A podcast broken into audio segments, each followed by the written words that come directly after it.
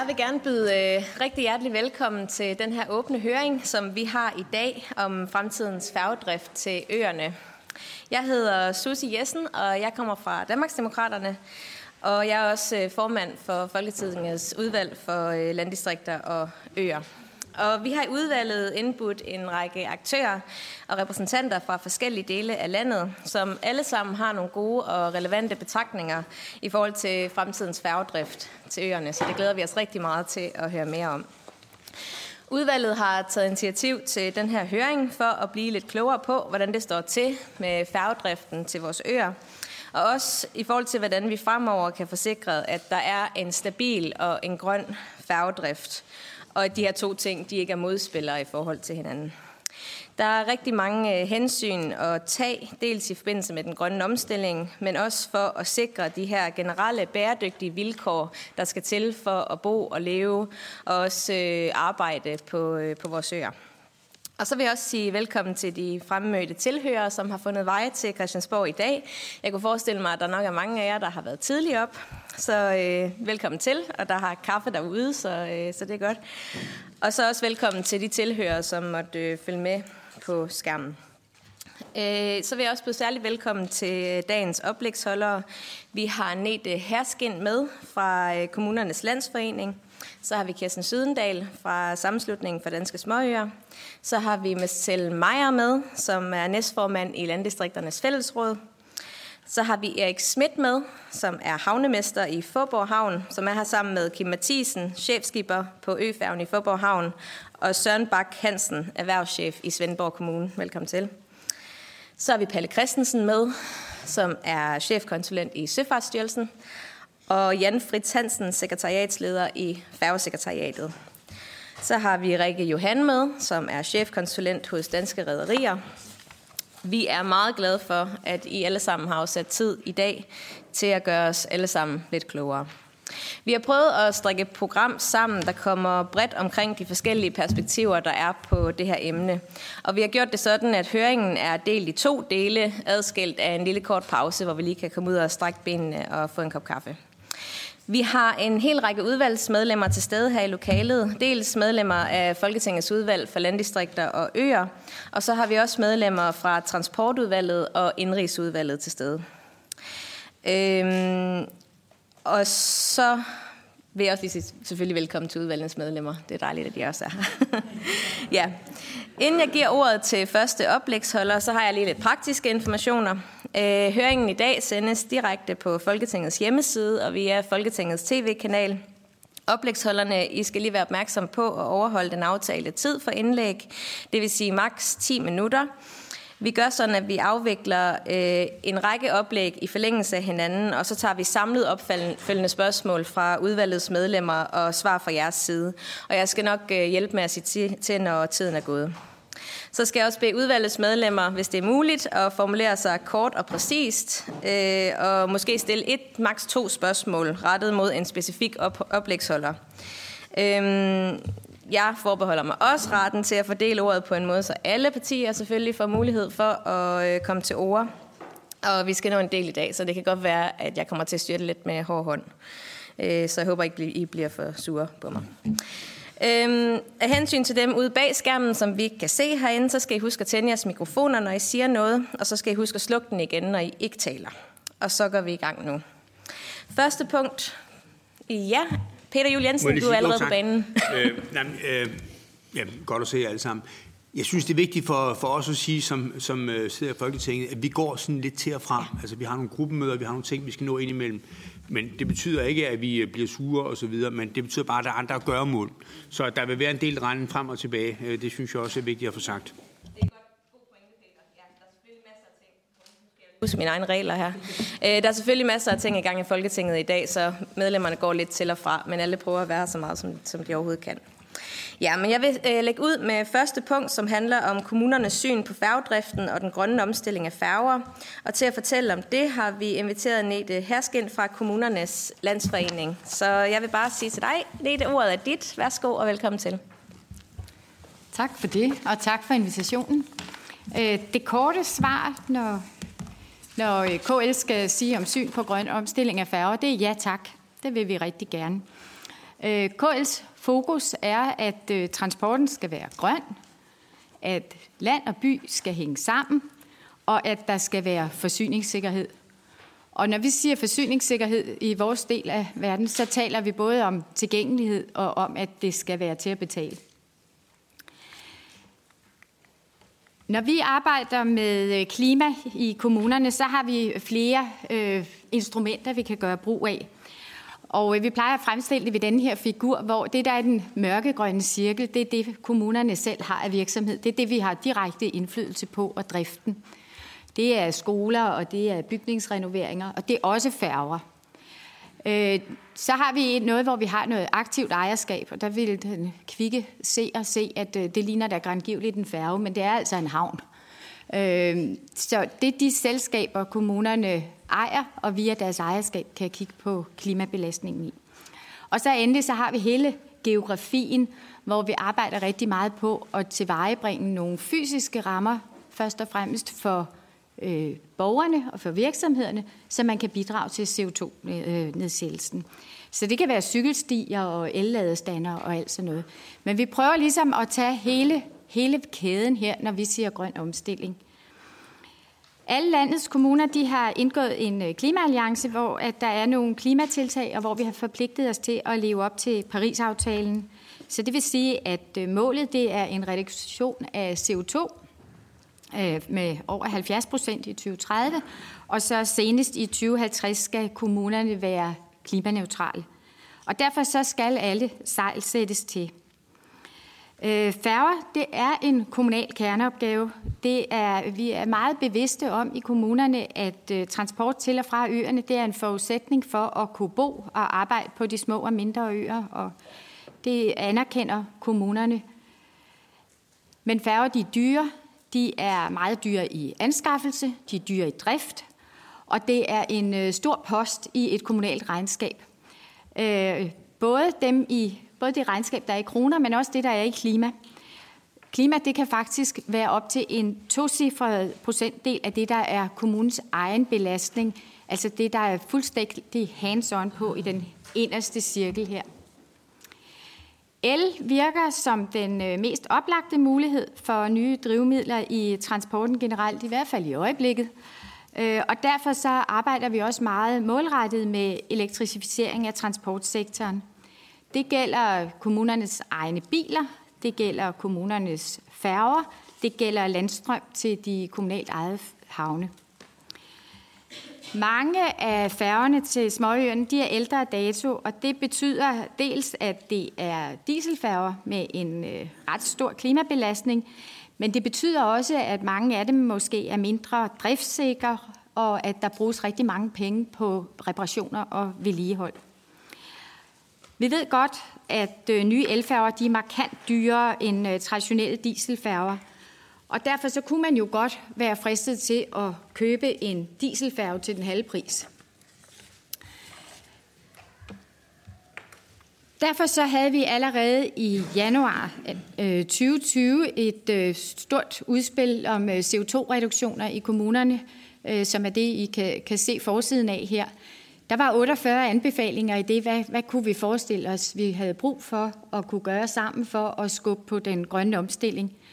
Og en af de anbefalinger, det var så øh, anbefaling nummer 17, øh, hvor at, øh, som var faktisk en af de aller, aller mest konkrete også, vil jeg sige.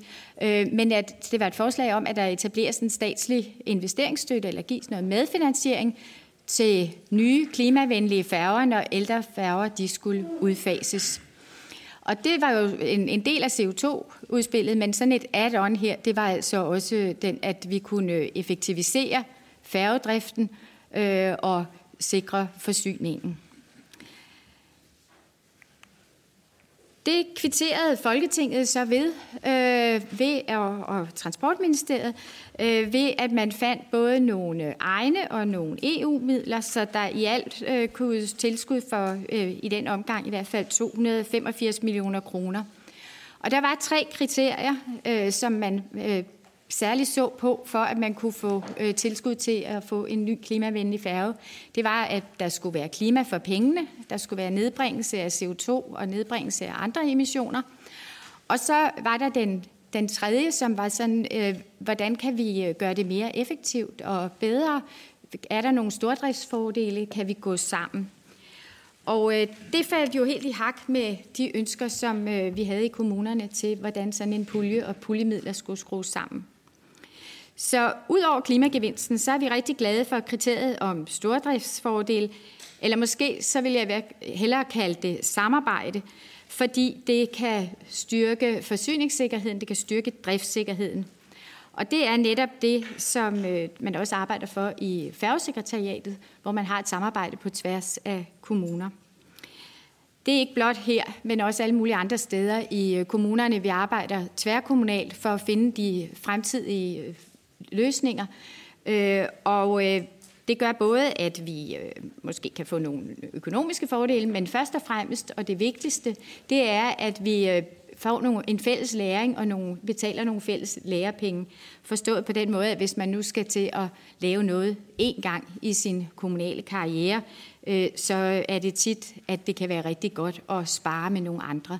Og det er færgerne også et eksempel på. Det er ikke ofte, at man øh, kommer ud for i sit erhvervsliv eller i sin erhvervskarriere, man skal øh, både bestille og få en, en ny færge. 285 millioner kroner, det er mange penge, men vi må også konstatere, at det, der var tænkt til at kunne dække 25 procent af nybygningsprisen på de færger, som fik støtten, det er ikke helt nok. Det er en, en lavere del. Øh, støtteprocenten er blevet lavere over tid, blandt andet på grund af stigende priser og sådan noget, men det er en rigtig god hjælp. Det betyder jo også, at det langt fra er alle øh, færgeruter, som har fået støtte til at kunne blive omstillet. Så behovet for hjælp, det er stort, øh, men de her flere, øh, eller så, så flere øh, puljemidler, de vil bestemt være velkomne. Og til slut, så vil jeg lige knytte en kommentar til elnettet, øh, fordi vi er meget opmærksom på, at der er behov for at udvide og udbygge elnettet i de områder, hvor der i dag ikke er tilstrækkelig tilslutning. Det kan være enten fordi der er manglende net, eller der er manglende netkapacitet. Og det er også en øh, problematik, det er en problematik, der er meget bredere end færger, men den er også relevant for færger. Øh, for hvis vi omsætter til, til elfærger, så, øh, ja, så giver det ligesom sig selv, at der skal også være el og tilstrækkeligt med el i nettet, til de kommer ud at sejle. Øh, men det er også noget, vi ser på i forhold til landstrøm i havne og hele omstillingen af, af transportsektoren og virksomheder og alt muligt andet. Så elnettet, det har vi øh, stort fokus på, og det bliver man altså nødt til at se på nogle steder, så de her kommer til at hænge sammen.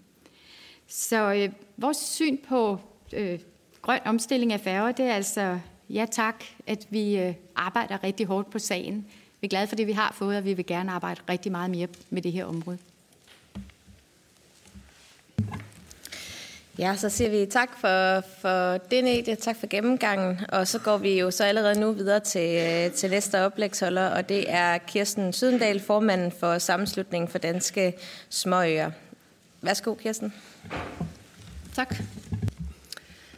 Jeg vil gerne starte med at takke udvalget for landdistrikter og øer for at invitere til høringen i dag, og tak fordi jeg som repræsentant for beboerne på Danmarks små øer får mulighed for at tale øboernes sag. For de små øer er færgerne alfa og omega. Færgen er livlinen, og den, der først og fremmest har betydning for øens overlevelsesmulighed. Derfor har vi i sammenslutningen Danske Småøers 50 års levetid kontinuerligt arbejdet for stabil og driftssikker færgefart til øerne. Hver ø bør have sin egen færge med rimelige afgange og priser. I sammenslutningen af Danske Småøer er vi naturligvis meget glade for, at der i finansloven for 2024 er afsat flere midler til at implementere det fulde landevejsprincip på ikke-brofaste øer. Det er overordentligt glædeligt, at færgedriften til øernes, til øerne prioriteres højt. Vi er også glade for at konstatere, at Indrigsministeriet indtil videre fastholder princippet om, at man lokalt kan tilrettelægge fordelingen af tilskuddet på de forskellige typer af passagerer. For eksempel, hvordan man på en given overfart fordeler tilskuddet mellem biler, gående passagerer, cykler osv. For nogle øer er det nemlig meget problematisk, hvis en meget lav takst på biler i forhold til for eksempel cykler eller gående passagerer betyder, at mange flere end i dag vil tage bilen med til øen. Der er på mange øer meget smalle veje, ingen oplagte pladser til parkering, øerne er omfattet af naturområdezoner, strandzoner, lokalplaner osv. Flere øer ønsker simpelthen ikke mere biltrafik end i dag, da trafiksikkerheden for bløde trafikanter er en af øens tiltrækningsmuligheder for både fastboende og turister. Omvendt så er der også større øer med længere afstande, hvor lokalbefolkningens pendlere og erhvervsliv er afhængige af, at taksten for biler er forholdsvis lav. Disse udfordringer kan afhjælpes ved lokal tilrettelæggelse af taksterne, og det er derfor en mulighed, vi bakker op om. Landevejsprincippet det virker. Det har Indrigsministeriet selv fastslået i en rapport udgivet i 2022, der evaluerer den nuværende tilskudsordning til passager- og godstrafik til landets småøer. I den hidtidige ordning med landevejsprincip i 46 uger om året oplever vi dog for flere færgeruter, at midlerne i de 46 uger ikke rækker til nedsættelse af taksterne i et omfang, der svarer til et reelt landevejsprincip. Vi har fulgt taksterne på småøernes færgeruter tæt, siden ordningen blev indført i 2016, og der tegner sig et billede af, at udgangspunktet for den nye beregning af tilskud til fuld landevejsprincip også er for lavt. En af problemstillingerne er, at de ruter, der havde færrest passagerer, da ordningen i sin tid blev beregnet, får mindst tilskud og dermed sværere ved at implementere lave, lave takster, hvilket bremser for at øge antallet af passagerer på disse ruter. Altså lige modsat landevejsprincippets formål. Vi ser derfor frem til en tilbagemelding fra kommunerne på, om de ser sig i stand til i 2024 at gennemføre landevejsprincippet med de nye tilskud på alle ruter. I det seneste år er der på de fleste færgeruter indført takststigninger begrundet både i besparelser i kommunen og i øgede brændstofpriser. Prisstigningerne har nogle steder været meget markante, og på en enkelt overfart var den på mere end 60 procent i 2023. Hvordan forhindrer man en situation, hvor staten giver tilskud til at nedsætte taksterne, parallelt med, at kommunen indfører en takststigning eller ligefrem skær i afgange for at dække øgede driftsudgifter? Når vi rejser denne problematik over for ministeren og Christiansborgs politikere, henvises der til det kommunale selvstyre. Men når vi rejser problematikken over for kommunerne, så henvises der til, at der ikke er midler nok i det statslige tilskud. Når vi taler om at skære i afgange, er det vigtigt at understrege, at en småøfærge ikke er at sammenligne med en bus i et landdistrikt. Hvis en færgeafgang skæres væk, så svarer det ikke til, at en busafgang spares væk. Det svarer snarere til, at alle veje ud af landsbyen lukkes fuldstændig for kørende, for cyklerne og gående trafik ind til næste afgang. En forringelse af færgeservice har direkte sammenhæng med et fald i befolkningstallet. Omvendt så kan en tidlig eller sen færge, der muligvis kun betjener få personer, der pendler på arbejde, betyde fastholdelse af ikke bare de personer, men hele familien. Fra øboernes side vil vi derfor gerne understrege, at hvis alternativet til takststigninger for en kommune er at skære i afgange eller sammenlægge færgeruter, så er dette alternativ endnu værre for øerne end højere takster. Der er pt. to store udfordringer i den kommunale færgedrift. Driftsudgifter til færgerne og spørgsmålet om finansiering af en grøn omstilling af færgerne. I den kommunale færgedrift flettes de her to områder ofte ind i hinanden i forhold til finansiering. Hvis der skal investeres i grøn omstilling, så må udgiften til dette spares på færgedriften. Forringelser, der har fatale følger for bosætningen på den enkelte ø. Af de tilskud, der i øjeblikket tilfalder kommuner med småøer, er det kun tilskud til økortordningen, altså det, at fastboende øboere rejser gratis for passager og cykel, samt tilskud til taksnedsættelser og tilskud til gods, som er øremærket de nævnte formål. Det almene småøetilskud, paragraf 20-tilskuddet, som blandt andet er tiltænkt at dække en del af udgifterne til færgedrift, er derimod et generelt tilskud og en del af det kommunale bloktilskud, og dermed ikke øremærket. Det skal, udover at bidrage til færgedriften, også dække dele af de ekstraudgifter, der kan være ved den offentlige service til en ø. Men ofte kan kommunen ikke dække udgiften til færgedriften og de øvrige småøudgifter selv med hjælp fra paragraf 20-midlerne. Og der er slet ikke midler til investering i for eksempel grønne færger. Det er derfor værd at overveje, om det er tid til at omlægge færgedriften, så den økonomiske byrde ved færgedrift overgår til staten og løftes væk fra kommunernes skuldre. Selve færgedriften til de enkelte øer bør dog stadig varetages og tilrettelægges lokalt. Der er ingen tvivl om, at driften af færgerne for mange kommuner er en stor økonomisk belastning, til trods for både paragraf 20-tilskuddet og de øvrige taksnedsættelsestilskud. Alligevel ser vi i sammenslutningen af danske småøer en række udfordringer ved at overføre hele ansvaret for færgedriften til staten. Vi er meget bekymrede for, at der i en statslig varetagelse af færgedriften sker en uhensigtsmæssig ensretning af færgeservicen, uden skelen til lokale behov. Det kan for eksempel være om ændringer af afgangstider, hvis den lokale fastlandsskole ændrer ringetider, eller hvis der er flyttet mange pendlere til, som har andre behov, end beboerne før havde. Med ovenstående en mente ser sammenslutningen af danske småøer snarere en løsning, hvor det økonomiske ansvar bæres af staten, mens den lokale drift og tilrettelæggelse fortsat varetages af kommunen. Den nuværende færgedrift er stort set dieseldrevet for alle småøers, småøfærgers vedkommende. Det er en stor belastning for kommunernes CO2-regnskab, og med en afgift på CO2 i nær fremtid bliver det en endnu større økonomisk belastning for de kommuner, der ikke når i mål med den grønne omstilling. Vi hører tit, at CO2-afgiften skal være et incitament for kommunerne for at gennemføre den grønne omstilling. Men virkeligheden er, at mange kommuner simpelthen økonomisk ikke magter opgaven. Sammenslutningen af danske småøer mener, at det giver mening at samle den grønne omstilling, udvikling af elfærger osv. i en statslig sammenhæng, så det sikres, at alle færgeruter kommer i mål, og at ingen kommune efterlades alene med ansvaret og den store opgave, økonomisk såvel som teknologisk, at gennemføre byggeri eller retrofit af grønne færger til småøerne. En langsigtet plan for, hvornår hvilke færger kan omstilles eller bør nybygges, bør ikke være et kommunalt ansvar, men det bør samles og ligge hos staten. Vi mener, at det bør være en statslig opgave at finansiere den grønne omstilling af færgerne, og vi foreslår derfor, at der oprettes en grøn færgefond. Det bør være statens opgave at søge EU-midler hjem til sådan en fond. Vi ser for eksempel en mulighed i EU's kommende social- og klimafond, hvor der specifikt allokeres midler til grøn omstilling af offentlig transport. For at opsummere, så er det vigtigste for småøerne en færgedrift, som er driftsikker og stabil, som har nok afgange til, at man kan være pendler og erhvervsdrivende på øen, som har rimelige takster, der tilrettelægges lokalt i dialog med øboerne, og som er CO2-neutral, uden at det går ud over færgeservicen. Vi håber, I vil tage dette med jer i jeres fortsatte arbejde for at opnå de bedste muligheder for færgedrift til småøerne, og vi står naturligvis til rådighed for dialog om emnet. Tak for ordet. Tak for, for det, Kirsten. Og så øh, drøner vi videre til næste oplægsholder i rækken, som er øh, Marcel Meier, næstformand i Landdistrikternes Fællesråd. Værsgo, Marcel. Ja, tak. Og til daglig borgmester på Samsø.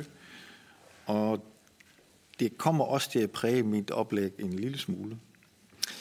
I, øh, for et par år siden, så lavede vi på Samsø en beregning af, hvad det vil koste at øh, sejle med vores øh, bilfærge på Hov-Samsø-ruten i de næste 20 år, øh, hvis vi øh, kigger på omkostninger til drivmidler. Og der har vi taget CO2-afgifter med, som vi regner med, det kommer, øh, og investeringerne også. Og hvis I, I kan se tabellen her, hvis vi kigger på, øh, hvis vi bliver ved med at sejle på diesel, så koster det 370 millioner. Øh, biogas 411, nogenlunde samme pris. El bliver lidt dyrere, 540. Og så biometanol, der er vi oppe i 600. Og brint, der er vi op og rundt 1,3 milliarder. Hvis man kigger på de her tal, så burde vi egentlig bare blive ved med at sejle på diesel, for det er simpelthen det billigste, også selvom vi øh, skal betale CO2-afgifter. Og så vil jeg også sige, at de helt nye øh, teknologier, metanol og brint, øh, de er så også ude. Det er simpelthen alt for dyrt endnu at begynde at investere i det. KL var lidt inde i den her pulje til grøn færgefart. Det blev udløjet også for et øh, par år siden.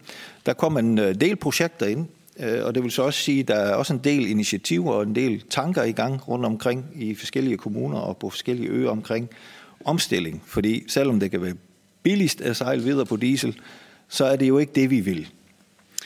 Hvis man kigger på de projekter, der kom ind, så var de projekter, hvor man skiftede fra en gammel dieselmotor til en ny dieselmotor, faktisk de projekter, som gav størst CO2-besparelser.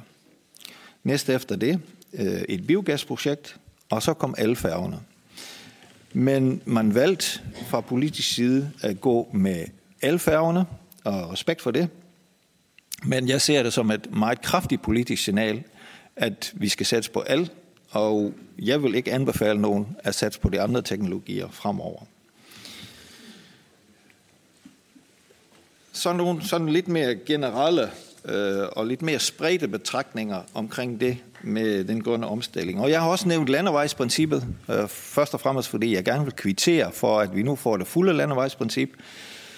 Og selvom der kan være røster rundt omkring, der siger, jamen er det nu også det rigtige landevejsprincip, vi så har fået? Det er det ifølge de beregninger, vi startede med i 2014. Faktisk så er det næsten 10 år siden, vi havde den første høring her øh, i landstingssalen lige ved siden af omkring landevejsprincippet, og vi er nået rigtig, rigtig langt. Men landevejsprincippet betyder jo, at man laver færgefart til øerne så robust, så det også giver mening at kigge på at investere i nye færger og i en grønne omstilling. Og dermed er den for mig at se også en del af det. Og jeg har kæmpe respekt for, at man har valgt at prioritere de 50 millioner i et budget, hvor der er mange andre ting, man kunne have prioriteret. Vi får på øerne øh, i rederierne, i øh, fremadrettet også øh, nogle udfordringer omkring stabiliteten. Og der er to forskellige ting, jeg tænker på. Vi begynder at se, at der bliver udfordringer med rekruttering af personale, specielt det tekniske personale selvfølgelig. Og teknologien giver også nogle andre udfordringer, hvor man før i tiden kunne øh, spørge den lokale mekaniker, om ikke han ville hjælpe med til at skrue lidt i motoren øh, om aftenen, så går den ikke længere. Øh, man bliver mere og mere specialiseret. De reservedele, vi bruger, de kommer fra Japan, de kommer fra Spanien, øh, hvis vi er heldige, at de overhovedet har dem på lager. Øh, så, så det giver, det begynder at give nogle udfordringer. Det samme med klimaet. Vi får, ser flere og flere aflysninger, øh, dels på grund af højvande, øh, dels også på grund af vind.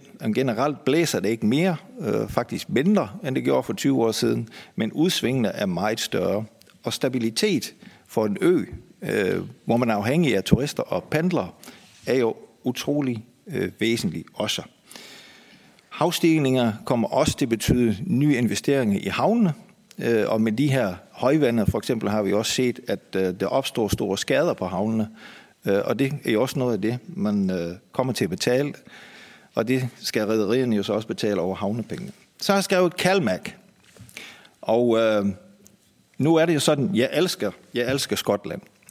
Og det er ikke kun for det, de serverer i popsene, men sådan mere generelt. Øh, og Calmac er jo et øh, kæmpestort rederi i Skotland, som driver, øh, jeg tror, næsten 30 forskellige færgeruter.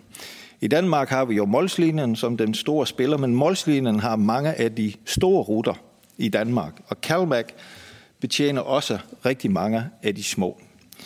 Og øh, ja, der har min forgænger har været lidt ind på det.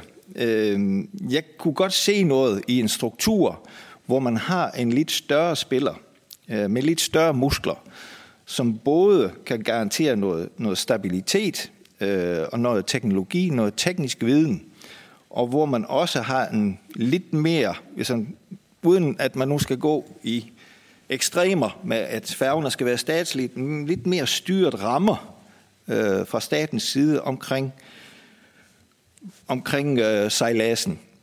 Øh, jeg sidder også øh, som medlem af komiteen for årets ø, og jeg snakker med rigtig mange øboere.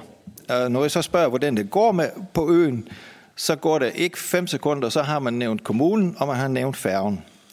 Øh, og, og det er jo naturligt, fordi det er jo utrolig vigtigt, at man har de her stabile forbindelser, øh, som kan betale kan betales både af øboere øh, og turister. Så det er, det er utrolig afgørende. Og der er, jeg hører rigtig mange røster på øerne rundt omkring, som slåsser med de her udfordringer. Det gælder af, antal afgange, det gælder sejltid, og det gælder pris.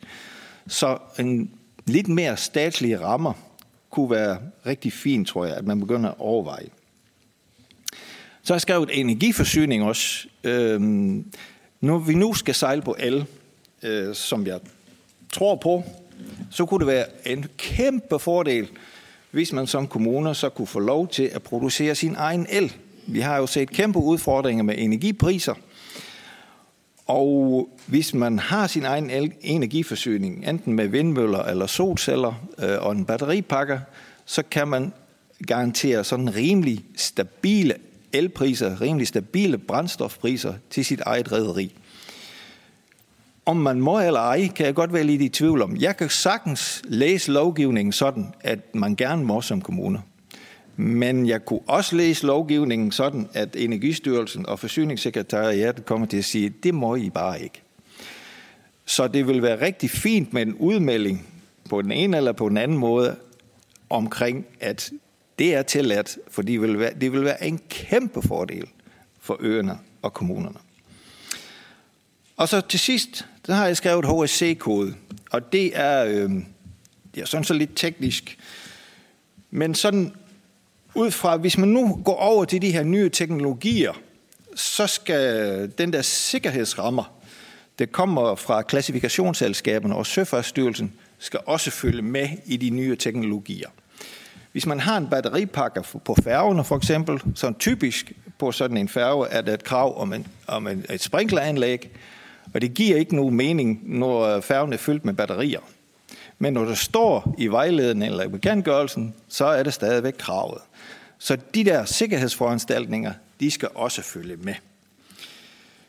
Vi har sammen med Ærø øh, fundet på en, en ny teknologi, ja, ja, ikke, ikke helt ny, men alligevel, øh, til øh, at se, om vi kan fremme vores, øh, vores grønne færgefart. I øjeblikket kan man jo godt få lov til at bygge færger i aluminium. Det gør man så øh, under det, man kalder HSC-koden, og det betyder også typisk, at man sejler rigtig hurtigt med de her færger. Den her færge, I ser, det er sådan, sådan en aluminiumsfærge, der sejler øh, 25 knop mellem Samsø og Aarhus. Man kunne også godt øh, lave de traditionelle bilfærger i aluminium. Øh, det vil betyde, at man sparer to tredjedel af vægten på skroget, og cirka halvdelen af energien i fremdriften. Og så er det noget, det batter, fordi hvis man kan spare halvdelen af energien, så kan man også spare halvdelen af batteripakken. Det er billigere, og det, batterierne de er faktisk også ret tunge. Nu er regelsættet bare skruet sådan sammen, at når man bygger en færge i aluminium, så skal man sejle hurtigt. Man må ikke sejle langsomt det er sådan lidt en forvrængning, for man må godt sejle langsomt, men man skal være i stand til at sejle hurtigt, og det kræver en kæmpe investering. Så hvis vi kan skrue på det regelsæt, så tror jeg, vi er kommet rigtig langt med færgefart i de indre danske farvande. Men heldigvis, og det bliver jeg nødt til også lige at pointere, så øh, spiller Søfartsstyrelsen rigtig godt med på lige præcis den i dag. Så tak for det til dem. Og dermed afslutter min oplæg. Tak skal jeg have. Tak for det, Marcel. Og øh, vi har en enkelt oplægsholder mere, inden vi går videre til de første spørgsmål fra, øh, fra øh, udvalgsmedlemmerne. Så jeg vil give ordet videre nu til øh, Erik Schmidt, havnemester i Forborg Havn. Værsgo. Tak for det. Tak for det. Jeg skal lige have den her til at virke. Det er sket der. Yes. Jamen, øh, øh, tak på øh, Svendborg og Forborg Midtfyns øh, Kommunevejen for, at øh, vi bliver inviteret øh, med til det her. Lige for at... Hvis der vil være med. Så skete der noget der. Øh, vi er som sagt, øh, ja, mig, Erik Schmidt, øh, så Christian Steffensen, havnemester i øh, Svendborg. Han kunne desværre ikke deltage.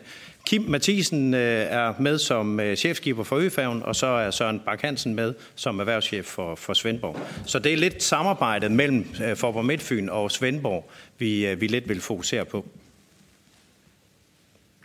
Jeg synes, den driller. Okay. Geografien, bare lige for at vi lige sætter rammen, hvor er vi henne. Hvis vi tager Svendborg, jamen, så er det Skarø, det er Drejø, og så har de en øh, lille færge til, til Hjortø også.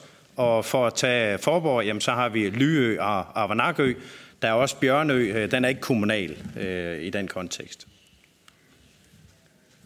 PT, så er der det her samarbejde med Øh, standard færgeprojekt, øh, hvor vi er fem kommuner, der er gået sammen. Det er Svendborg, det er Fort Midtfyn, Aalborg og Odder og Slagelse. Øh, der har vi færgesekretariatet. Øh, Jan Fritz Hansen sidder her også, så han vil tale noget, noget mere om det, øh, går jeg ud fra. Og så er det ellers øh, Odense øh, Maritime Technology, som er med til at lave den her standardfærge, har slået stregerne på, på hvordan det, det kan komme til at se ud. Men pt. er vi de her fem kommuner, som er gået sammen om, om standardfærgeprojektet. Og helt lokalt nede ved os selv, øh, nede på Sydfyn, jamen øh, Svendborg har Høje Stene, den øverste der, den er fra 1997. Øh, vi har nede i Forborg, der har vi Forborg 3, som den hedder, og den er fra 2012, ikke så gammel, men dog en dieselfærge og ikke super grøn i, i den kontekst. Og så har vi skrevet, at standardfærgen her, der står der 20, et eller andet 20 med spørgsmålstegn. Om det bliver 30, det tør jeg ikke sige, men øh, lad os se, øh, hvad, hvad politikerne, de, øh, hvor de lander den henne. Vi er et projektteam. Det er chefskiberen for, øh, for Svendborg, og så er det SIF, som er maritim administrator. Så er det Christian, øh, havnemester dernede. Det er Kim. Vi har Christian Tønnesen fra øh, Forborg Midtfyn også, og så øh, mig selv.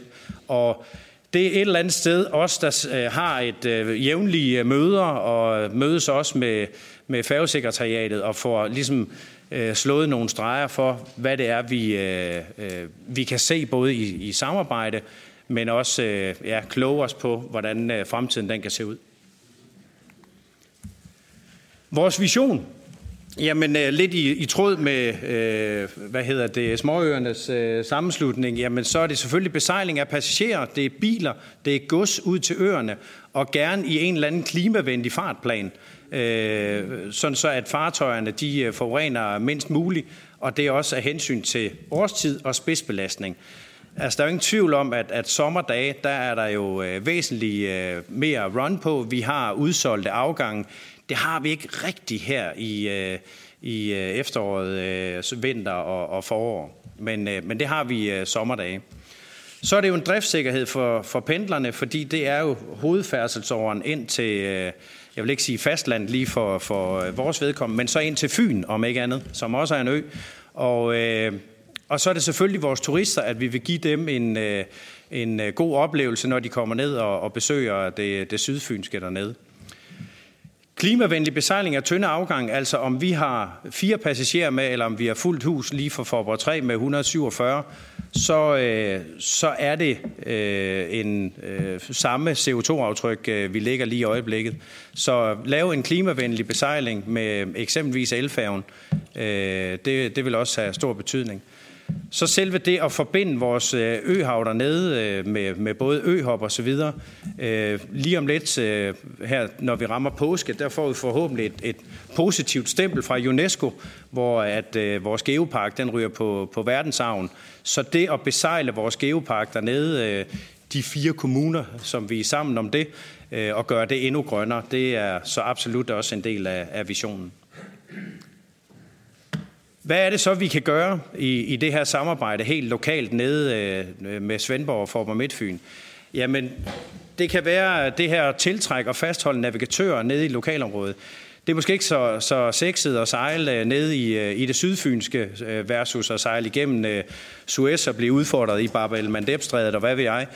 Så, så det kan være øh, ja, og, og lønningerne er jo måske heller ikke helt på, på samme øh, høje niveau, som hvis man sejler på de syv verdenshave.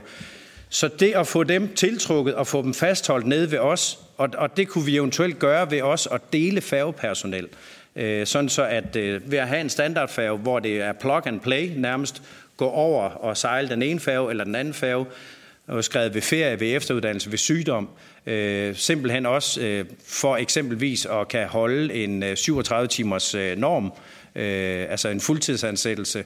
Så, så der er i hvert fald tanker i den, øh, i den kontekst.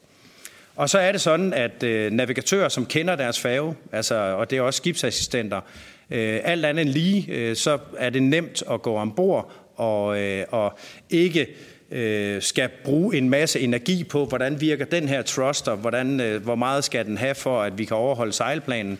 Øh, det er også øh, energibesparende, at, at der er øh, en ensartethed der.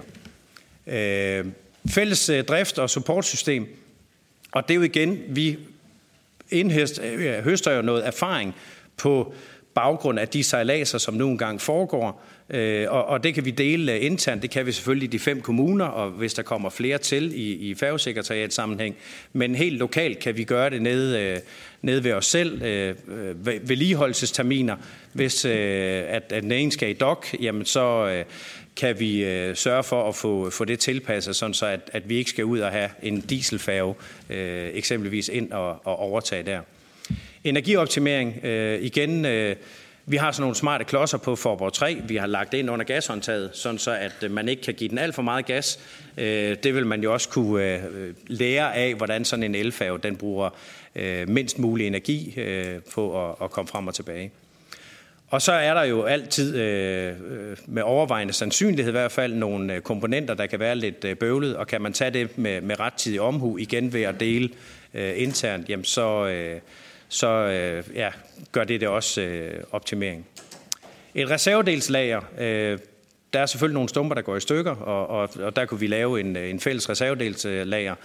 Nu er det ikke afstemt med, med Søren, øh, hvor vi eventuelt skulle have sådan en transportabel generator stående, men skulle der være nedbrud på, øh, på øh, elnettet, jamen så er det at have en, øh, om den skal stå ude i Vesterskærninge eller hvad nu, det, øh, men, men og det at den kan transporteres ned og sørge for, at, at elfærgen den fortsætter, hvis der skulle være nedbrud på, på elnettet, er også øh, så sandelig en mulighed.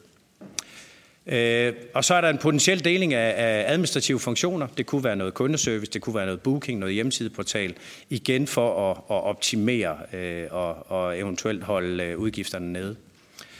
Og så er der i øh, snak om i hvert fald, øh, og og det er ikke kun øh, os, men det er i hele færgesekretariatet, at eksempelvis med de fem kommuner, at der så var en sjette færge, som netop kommer ind og, og kan afløse ved obligatoriske serviceeftersyn. Der skal dokkes med jævne mellemrum og, og i den dur der.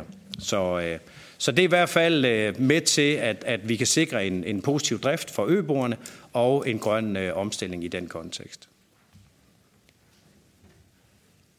Ja, det var sådan set det. Tak for, øh, for det, og øh, tak for den her første runde fra øh, oplægsholderne. Nu går vi øh, videre til, øh, til spørgsmål fra udvalgsmedlemmerne, og den første, der har ordet, er Erling Bonnesen fra Venstre. Værsgo, Erling. Jamen, tak for det, og tak fordi I kommer med, med gode oplæg, og vi skal gøre det sådan lidt kort, klart og præcist. Øh, det første, det er, at alle er jo glade for, at vi har fået landevejsprincippet gennemført, og hvis man hører det, som jeg hørte fra øh, ministeren, så, så siger de, jamen også igennem finanslov og så videre, nu er der sat de penge af, der skal til for, at landevejsprincippet er gennemført fuldt og helt. Så hører vi jo så også nogle bemærkninger om, at øh, jamen, det holder ikke hele vejen øh, alle steder, og det synes jeg, vi har behov for at få, få bordet ud. Men tilgangen til det, det, det, det er jo ligesom, at øh, nu er der sat de penge af, der er i øh, finansloven, og de kommer ud til kommunerne, og så er det gennemført landevejsprincippet øh, fuldt øh, og helt. De diskrepanser, der så måtte være, jamen der må vi jo ligesom opfordre til, at øh, I får sendt en til jer. Hvorfor er det så, at det ikke hænger sammen? Det har vi jo behov for, at vi kan hjælpe hinanden på. Jeg opfatter det sådan, at det er på kryds og tværs af mere eller mindre alle partier, at vi så kan få det klarlagt, for at vi kan få det håndteret. Det er ligesom den ene ting, jeg har. Og den anden, det er jo så, kan vi sige, omkring nye færger. Jamen der var der jo oprindeligt, kan jeg jo huske helt tilbage i nogle tidligere aftaler, det vil man sikkert kunne grave op ned i kælderen, at uh, der blev øh, sat uh, af, som jeg husker det, nu de og de beløb kommer fra staten til kommunerne, uh, og ud af det beløb, der skal kommunerne sørge for at spare en vis andel op som startkapital til de nye færger. Det er næppe blevet gjort. Så derfor kan vi jo bare sige, at øh, så er der behov for os, at vi får en eller anden konklusion, samarbejde på kryds og tværs på, at man får en slags, skal vi kalde det, nyanskaffelsesprogrammer på færger. Og så også får det som et grundlag for, at vi kan håndtere det i fællesskab op til kommende finanslov. Det må vi så bede om, at øh, vi får noget fra jer på, hvordan det så hænger sammen. For ellers andet det jo i en diskussion på kryds og tværs, så alt muligt andet. Det siger jo næsten sig selv. Der er jo ikke nogen kommuner, der er i stand til alene at sørge for øh, færger, så der tror jeg da meget hurtigt, at vi kan blive enige om, at der må, der må staten jo ind og have den største del af, af hånden på, på kogeplan øh, på det. Og så øh, bliver det da spændende at høre også om, hvordan det går med forhåbentlig godt, øh, at, øh, man kan få noget godt samarbejde om, og kan vi sige, få øh, øh, ens færger, så man ikke står med alle øh, broklapproblemerne og alt det der, ikke også, der øh, glæder os til. Men de andre ting, for det ikke bare ender i alle mulige på kryds og tværs, hjælp os med øh, dokumentationen på det, fordi det at komme over i et delt ansvar, det skal man passe på. Men jeg er da også åben over for, at vi kan få nogle diskussioner om, hvordan kan man øh, få sikret, øh, at, øh, at, at man ligesom har en sikker økonomi, og så at der er en sikker hånd på, om jeg så må sige, rettet. Ikke? Det, det, det må være det, vi skal nå frem til. Men det var sådan min indgangsvinkler på det. Ja, og Erling, har du øh, behov for, at der er nogen, der skal, du vil have en kommentar til det her fra, altså i forhold til det med landevejsprincippet, så vi kan nå i mål med det, og så også det her med startkapitalen på nye færger og opsparing? Jamen det, det vil jeg da gerne, og så vil ja. jeg gerne uh, se, høre fra dem, at de siger, jamen uh, set fra deres uh, stol, uh, hvor man nu kan svare, at uh, dem, der synes, det ikke hænger sammen, uh, hvorfor gør det ikke det? Fordi sådan, uh, set over fra ministeriet, synes jeg, jeg kan læse i svarene, at de siger, at nu har vi sat pengene af i finansloven, gennemføre landevejsprincippet øh, fuldt og helt, det har man en forventning om. Hvorfor er det så ikke, der gør det? Og så må vi bede om at få det på tryk efterfølgende. Men kan man svare noget på det nu, så vil det jo være, øh, være fint, ikke? Mm. Og så den anden, det er jo, hvad skal, der, hvad skal der til, for at vi kan komme videre i de relevante færgeudskiftningsprogrammer, man kan se for sig hen over nogle år. Jo ikke? Det plejer at være sådan, det tager jo ikke antal år, så man kan få skiftet færgerne fra den, skal vi sige, dårligste ende, hvis man skal sige det sådan. Ja. Øhm, Kirsten, har du lyst til at knytte en kommentar til det her med, med landevejsprincippet, men også startkapitalen til, til nye færger, den opsparingsproces, der har kørt? Ja, Jamen, det vil jeg gerne. Øhm, vi, øh, altså, I mange kommuner er de jo netop ved at kigge på nu, hvor langt kommer det til at række, og øh, vi hører fra flere, at øh, den nye øh, takstplan, øh, de laver, øh, der vil vi ikke være i mål. Øh, og øh, det, jeg vi skal måske ikke bruge så meget tid på, for det er sådan, men øh, hvis man har troet fra beregnernes øh, side, at øh, vi var i mål med de 46 uger, så har de måske bare lavet en procentvis øh, forhøjelse, øh, og så øh, rækker det jo stadigvæk ikke, hvis det i forvejen ikke rakte til de 46 uger, øh, selvom man så kører op til 52. Øh, så, men øh, vi opfordrer jo også fra øh, sammenslutningens side, at øh, kommunerne melder ind, og at øh, borgerne også, eller høgeborgerne melder ind, øh, når vi kan dokumentere det på de, med de nye takster, hvor, øh, hvad er det, der mangler. Øh, så det skal vi da bestemt have indblik i, jeg håber også, at KL kunne være med til som samlende instans for kommunerne og, og, øh, og hjælpe med, at vi sammen, sammen får dokumenteret det her. Øh, og så er der det her med investeringspuljen. Hvad blev der af de penge? Jeg ved, at i min egen kommune er, fortæller de, at, øh, de penge er blevet brugt til de steder, hvor pengene, de andre penge ikke rakte, og de er gået til øh, øh reparationer, for eksempel. Øh, fordi det var der ikke nogen, der havde sat penge af til. Så det, der skulle have været investeringer, det er blevet til reparationer på færgen og på, på havnen, så man kan sige, det er øh, brugt på, på, på de her formål. Men, øh, Øh, driftsmidlerne har ikke ragt til det. Så øh, vi hilser det meget velkommen, hvis der kunne blive en form for øh, ny, øh, in, ny investeringspulje, som du kalder det, øh, til de her grønne færger. Og øh, også gerne med, at vi laver en plan for, at vi starter med de ældste færger, og så tager det hen over en, en overrække. Det er godt. Jan øh, Fritz Hansen, har du også lige en kort kommentar til det her? Så kan du lige... Øh, ja, det, det skal bare være super kort. Det er på min dagsordenspunkt, de her to ting. Jeg kommer til at sige lidt mere om det lidt senere, men jeg kan da bare sige helt uh, først omkring uh, landevejsprincippet. Ja, det er lidt om, hvad man lægger i det.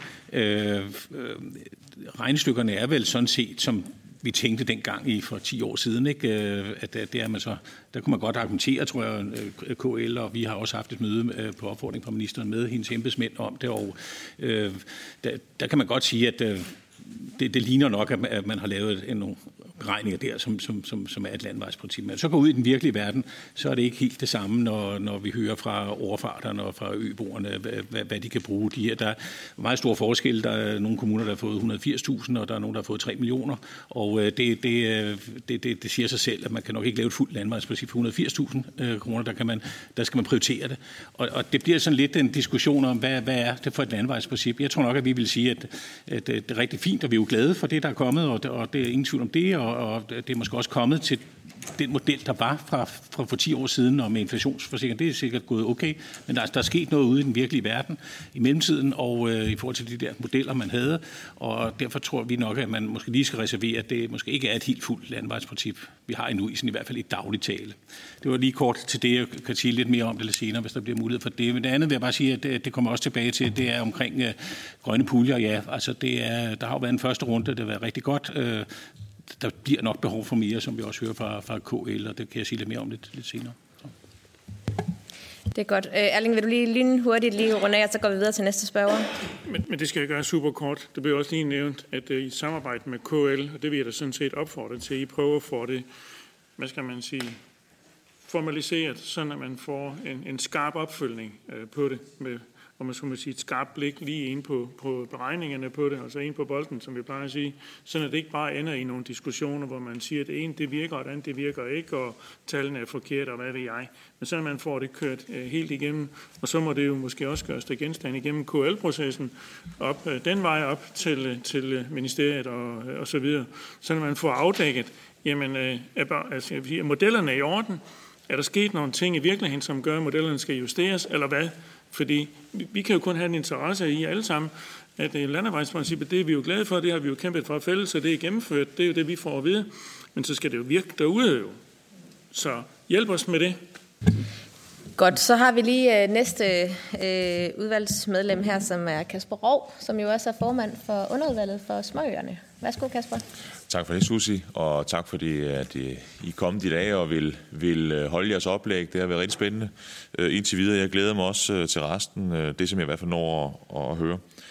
Jeg har to spørgsmål. Det ene er ret kort. Den ene det er til Nete Hersken fra KL, og det er, at, at øh, du nævner, at, at el er det mest oplagte, øh, og at det ligesom er det, man, man kører med hvad er baggrunden for, at man, man vælger el? Altså, jeg går ud fra, at der er en grund til, at man, man lige præcis vælger el. Det, jeg har ikke nogen holdning til, om det skal være det ene eller andet. Øhm, og så nummer to, det er, det er til Kirsten Sydendal fra, fra Småøerne omkring det lokale engagement i at få, øh, få fave hvad skal man sige, få færgetaksterne, altså den indflydelse, man har lokalt på, på færgetakster og på afgangen osv., altså at få koblet det over på, på en statslig ordning. Altså hvordan fungerer det nu? Altså hvad, hvad er det for en lokal øh, indflydelse, man har nu, som man så eventuelt ville kunne øh, kopiere over i en statslig øh, tilgang til, til, til færgedriften? Det var de to spørgsmål. Tak. Ja, tak for det, Nete. Vil du lægge ud i forhold til det her med el og baggrunden for det? Ja, tak. Jamen, øh, når vi siger, at, at el er det mest oplagte, så øh, beror det på, på øh, to ting. Den ene, det er den øh, figur, som Marcel også viste.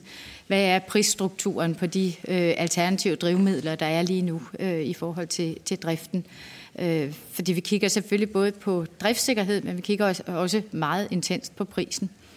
Så, så hvis, når, ikke bare hvis, men når vi vil den grønne omstilling, så er vi også fokuseret på, at der skal være en, en CO2-gevinst. Så i det regnskab, der, der virker el som det oplagte. Det betyder ikke, at vi, øh, at vi har slet ikke forudsætninger for det i KUL, eller har lyst til at diktere, hvad det skal være. Vi siger bare, det er noget af det, der virker oplagt. Og den anden ting, det er jo så driftssikkerheden, at der er også nogen, der har gjort sig nogle erfaringer med det her. Øh, jeg har ikke, vi har ikke voldsomt meget lyst til at skulle eksperimentere i alt, alt, alt for meget nyt, øh, hvis øh, det betyder, at der lige pludselig ikke er nogen færge. Så, så det er jo også holdt op imod det alternativ. Så, øh, så, så det er ligesom de to ting. Det er pris, og det er, er driftssikkerhed, øh, der, der gør, at vi ser på det. Og så er det koblingen til, at der faktisk også skal være el i nettet. Altså det, men, men det er en meget bredere dagsorden end bare færger.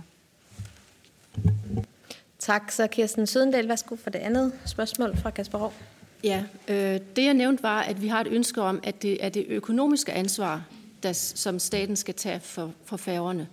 Øh, den lokale tilrettelæggelse vi, ser vi stadigvæk øh, godt kunne ligge øh, med kommunerne, også at det er kommunerne, der stadigvæk er, er redderne, og dem, der, der står for færgedriften lokalt. Og vi har glæde af, at vi øh, har de her øh, lokale møder. Der er færgegrupper. Øh, I nogle kommuner hedder det økontaktudvalg, i andre kommuner. Der mødes en gang om året og taler takster, taler øh, fartplan og hvordan det passer med busserne og så videre. Øh, og alt det vil vi jo gerne beholde. Det er det økonomiske ansvar, øh, vi gerne vil have løftet væk fra kommunerne.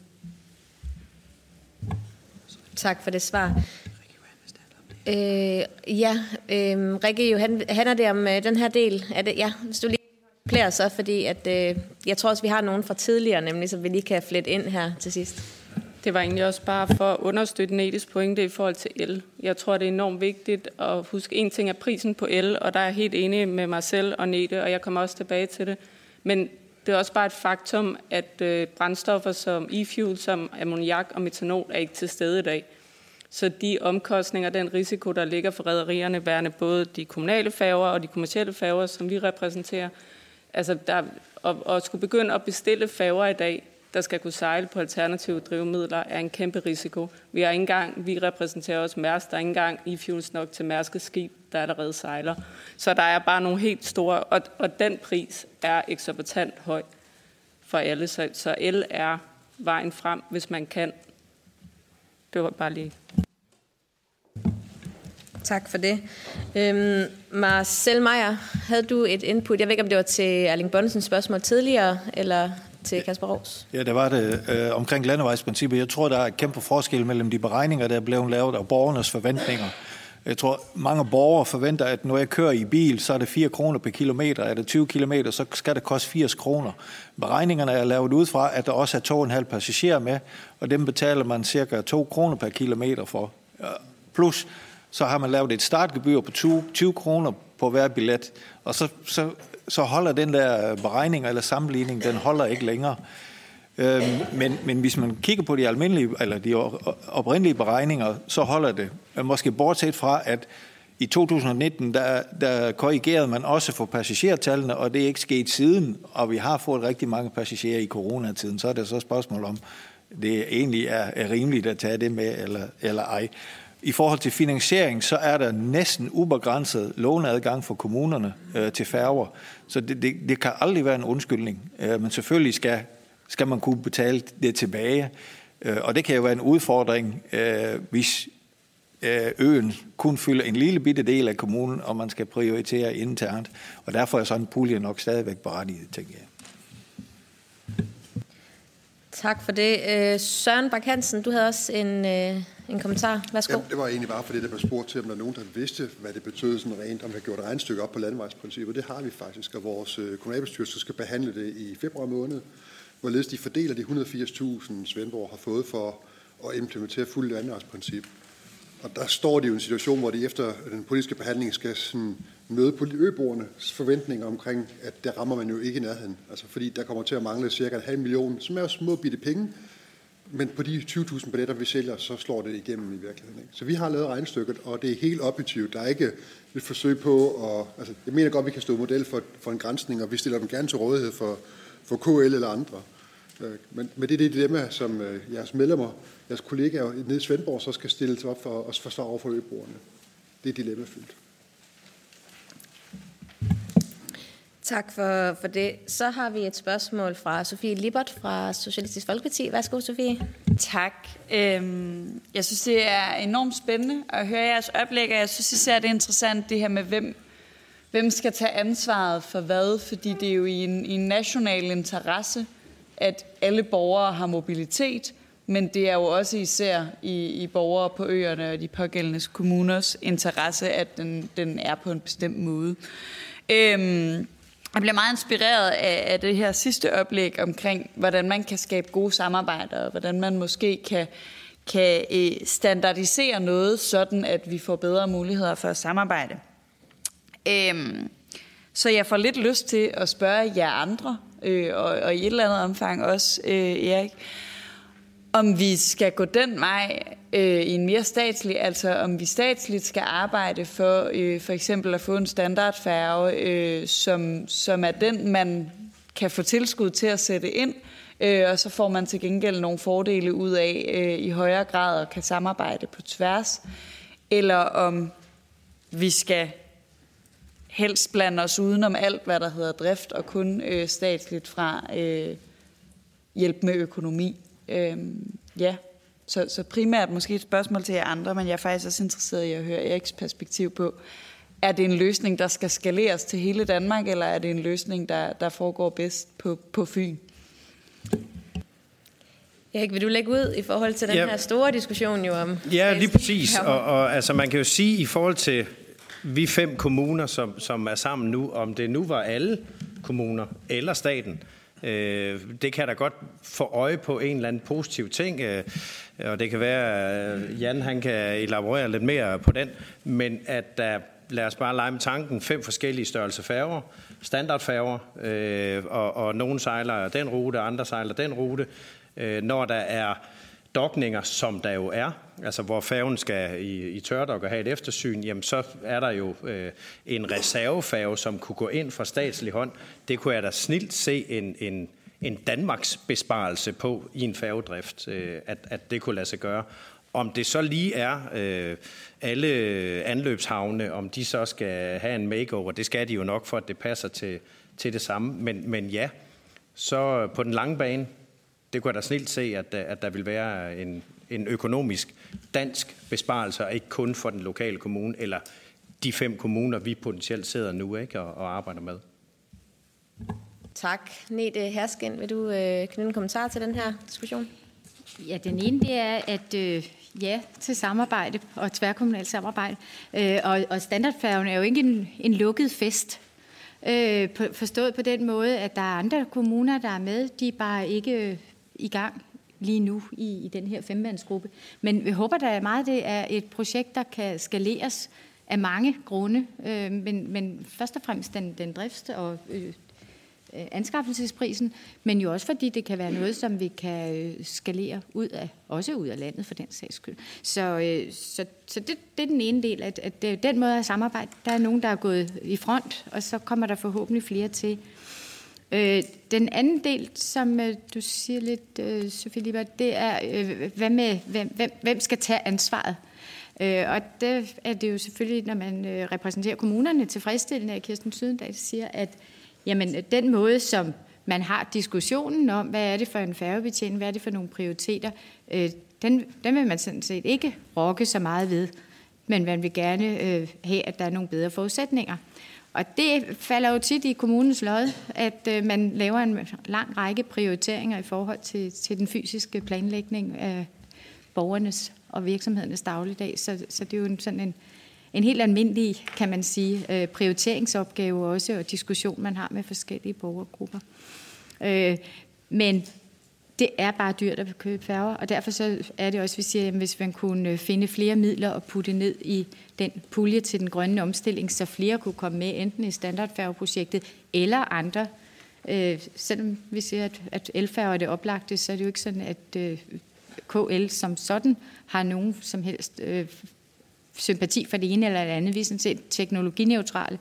Øh, vi kigger bare på, hvad, hvor, hvor er det, vi står lige nu. Så, øh, så hvis der kommer flere midler, så vil der også komme flere gang, mere gang i, at man får udskiftet nogle af de ældste færger. Men det bliver nok ikke sådan nødvendigvis, øh, medmindre der kommer nogen og siger, at det skal være sådan, at vi tager de ældste først. Det er nok der, hvor man også kommunalpolitisk er mest moden til at øh, udskifte en færge. Tak for det. Øh, så tillader jeg mig lige at sætte mig selv på, øh, på listen her. Øhm, Søren Bak Hansen, jeg kunne godt tænke mig at spørge dig. Du sagde, at I har lavet nogle beregninger allerede, øh, men er det så baseret på de der trafiktal, som jo er ret gamle? Altså så vidt jeg kan forstå, så er de jo helt tilbage fra 2013. Og møder I nogle udfordringer der? Altså tror I, der er noget, øh, altså, en, noget forskel på tiden dengang i forhold til nu, og kan det skabe nogle udfordringer i forhold til de beregninger, I nåede frem til? Og så vil jeg også gerne spørge øh, dig, Kirsten Sydendal, altså det her med, at økonomien skal ligge på Christiansborg, men at selve, øh, altså alt det andet, det skal ligge i kommunerne, behovet og sådan nogle ting. Hvordan, hvordan vil det helt konkret skulle øh, strikkes sammen? Altså, vil, vil det være sådan noget med, at kommunerne så vil skulle melde ind, øh, hvad behovet er? Og, altså, jeg, jeg kan bare se nogle lidt udfordringer der. Øh, Ja, altså i forhold til selve det her med, hvordan man får det til at køre, hvis økonomien 100% kører inden for Christiansborg, men at alt det andet, det ligesom er stadig ved kommunerne. Så hvis du lige vil uddybe det lidt, vil det være fint. Tak. Hvis øh, Søren, du starter. Tak. Det vil jeg gerne. Man kan sige, at øh, vi er så den fantastiske situation, at vores to dejlige øer har samme trafikantal, samme trafiktal som i 13-14, som de i princippet egentlig har her i et normalt år forstyrrelserne var omkring corona, og så har det været årene efter, hvor brændstoffer øh, har gjort, at det har været enormt dyrt at sejle med færgen, og det har vi også kunnet se på passagertallene. Så vi tager udgangspunkt i de øh, passagertal, som gælder for før corona, og det er cirka de der 20.000 billetter om året. Så, men problemet er jo, øh, hvis det har, øh, når det får effekt, det her, og det tror vi, det har, så vil øh, vi forvente, at der er flere, der tager færgerne med, specielt uden for sæsonen, hvor vi jo også har kan man sige, flere ledige pladser, end vi har i højsæsonen.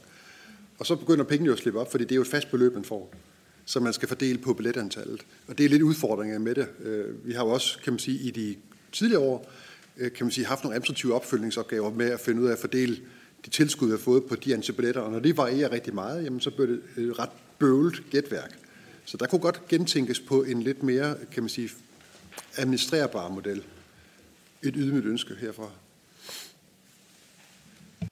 Tak. Så er det Kirsten Sydendal. Værsgo.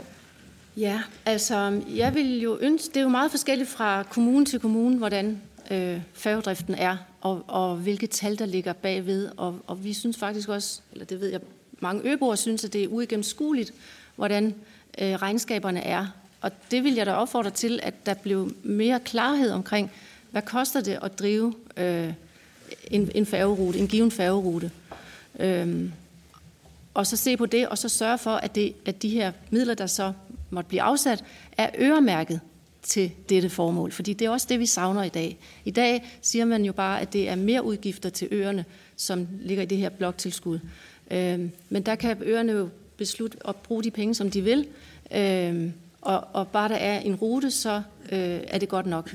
Øh, og det vi oplever er jo, at for eksempel i Lolland Kommune, at, at, øh, at færgedriften simpelthen bliver reduceret, fordi der ikke øh, er penge nok. Det er ikke ulovligt, men det er bare med til at slå ørerne ihjel. Øh, så hvis der kommer de her øh, tilskud fra staten, så vil jeg også opfordre til, at man indhegner den øh, færgeservice, der er øh, i dag, eller var tidligere for nogens vedkommende. Øh, for ellers så kan det ikke hænge sammen. Altså, der skal være et minimum af, af afgang øh, til hver enkelt ø. Ja, men øh, så tror jeg faktisk, at vi øh, vil tage en lille pause og lige gå og strække benene og få en kop kaffe og så videre. Og så vender vi tilbage her til klokken 12.25, for jeg ved min øresnegl her. Tak.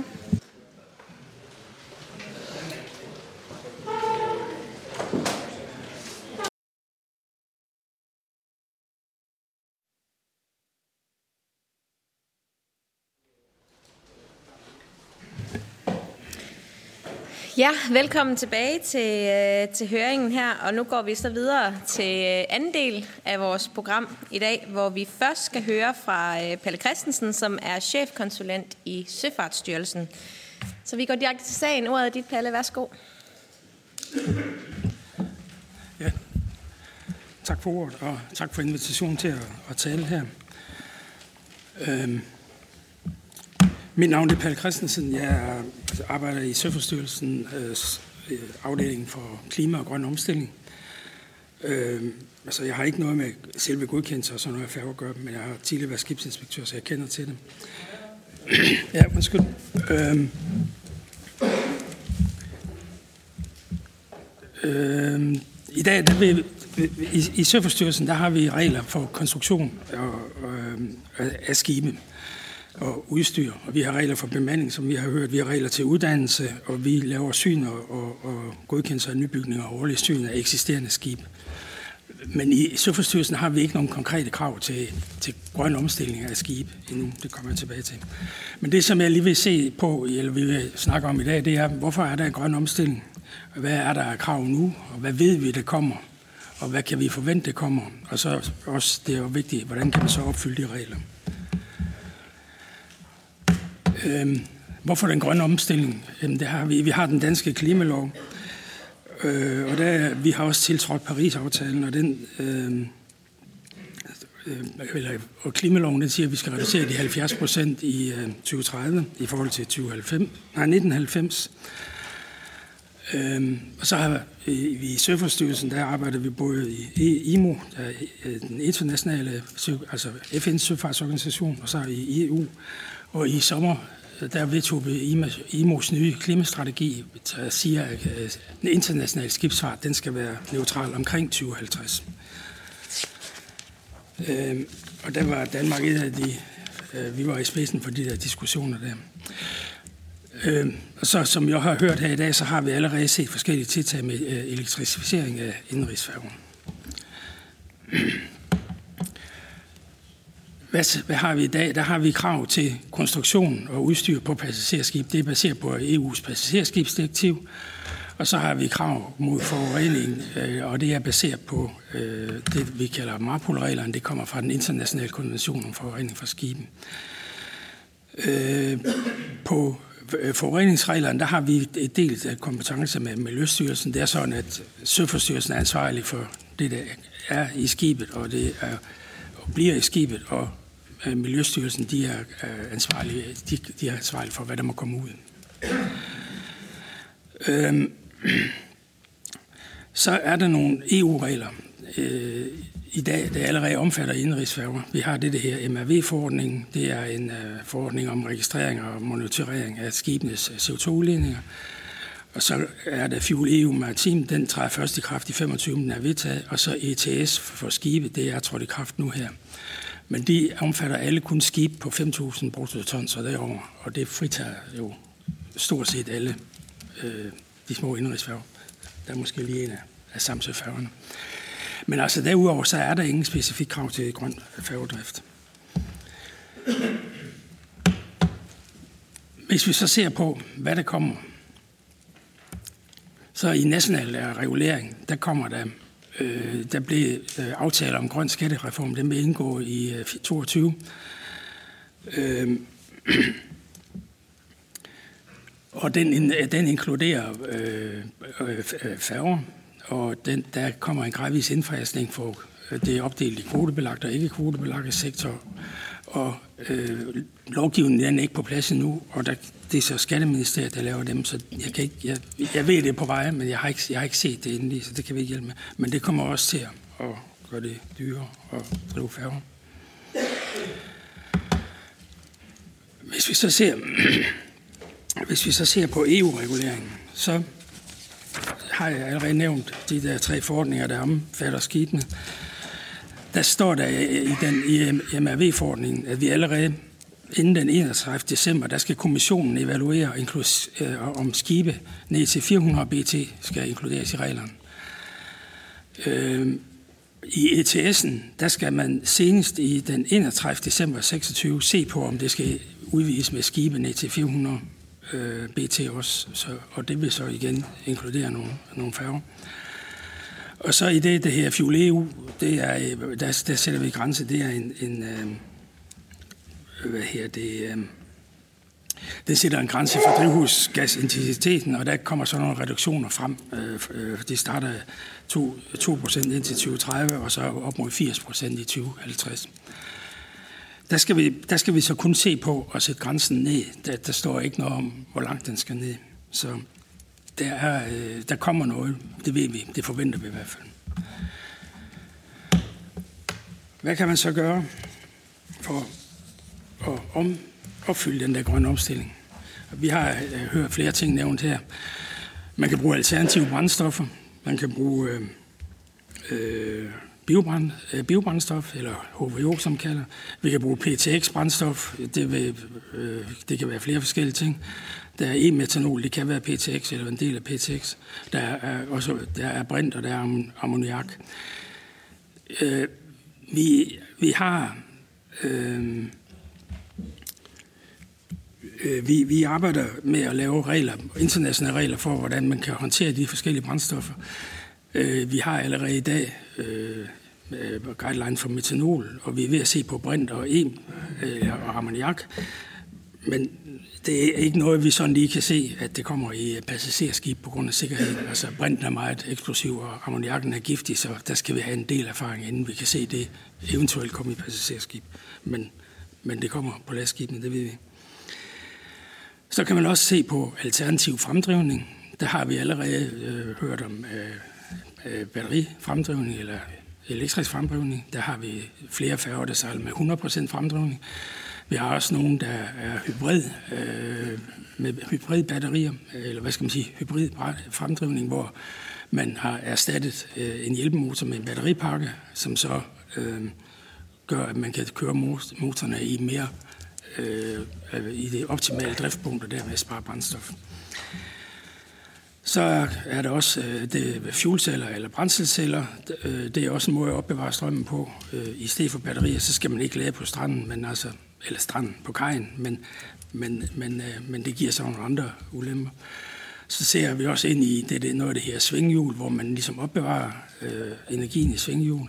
Så er der også vind, øh, og det kan heller ikke rigtig... Vi, vi har set på, på, på nogle af Scandlines færger, men, men øh, jeg tror ikke, det kommer som den helt store i, i øh, de små færger endnu. Øh, og så, øh, så er der også muligheden for landstrøm. Og krav om landstrøm, det bliver obligatorisk for TNT-havne i 2030 for, for passagerskibe. Øh, jeg, er ikke, jeg, det, jeg er ikke helt klar over, hvor mange af jeres havne, der er omfattet af TNT, men der er nogle af, altså jeg ved, København, Aarhus og Kalundborg er i hvert fald. Øh. Så, så det kommer. Men altså, vi, vi ved, der er allerede mange, der bruger landstrøm øh, om natten, og, øh, og det, øh, det er en effektiv måde at gøre det på. Hvordan kan man så godkende det? Ja, nu, øh, nu hørte vi jo her i formiddag, at øh, det, det var problemer at få godkendt et, øh, et skib, der er bygget af aluminium, fordi det står i reglerne, det skal være af, af, af, af ikke brandbart materiale, og aluminium kan jo brænde, men, men det kan man se på. Øh, hvad her det? Øh, Derfor, derfor vil man indtil videre, indtil vi får de øh, øh, øh regler passet til, så vil man være nødt til at bruge det her alternativ design. Det er en noget mere bekostningsfuld og, og arbejdsfuld, øh, hvad her det der, der er en del arbejde i det der alternative design, fordi man er nødt til på baggrund af risikoanalyser at gå ind og se, om opfylder man det, det samme krav, som der er stillet til et almindeligt skib. Derfor har vi i Søfartsstyrelsen, der har vi oprettet en afdeling, det her Fusion Lab, og det er et sted, hvor man, når man har sådan et projekt, kan gå ind i det, øh, og, og så, få, så hjælper Søfartsstyrelsen med at få kigget på de rigtige ting og åbnet de rigtige, øh, rigtige øh, døre, hvad skal man sige. I den, i den øh, hvis man arbejder med alternativ design, så er det meget vigtigt, at man får inkluderet øh, søforstyrrelse meget tidligt i processen, fordi vi, vi kan øh, vi kan, vi, vi kan, dels kan vi hjælpe, men dels vil vi også komme med nogle krav til, hvad der skal gøre. Der ligger allerede nu øh, nogle Øh, vejledninger omkring godkendelsesprocessen øh, i FuselLab. Det ligger på vores hjemmeside. Hvis vi ser på øh, batterifærger, så er det sådan set også øh, et alternativt design, men der har vi så efterhånden så meget erfaring, så der har vi også på vores hjemmeside en, en vejledning i, hvordan man kan, kan lave den godkendelse øh, lettere. Øhm, ja, det var, det var ordene.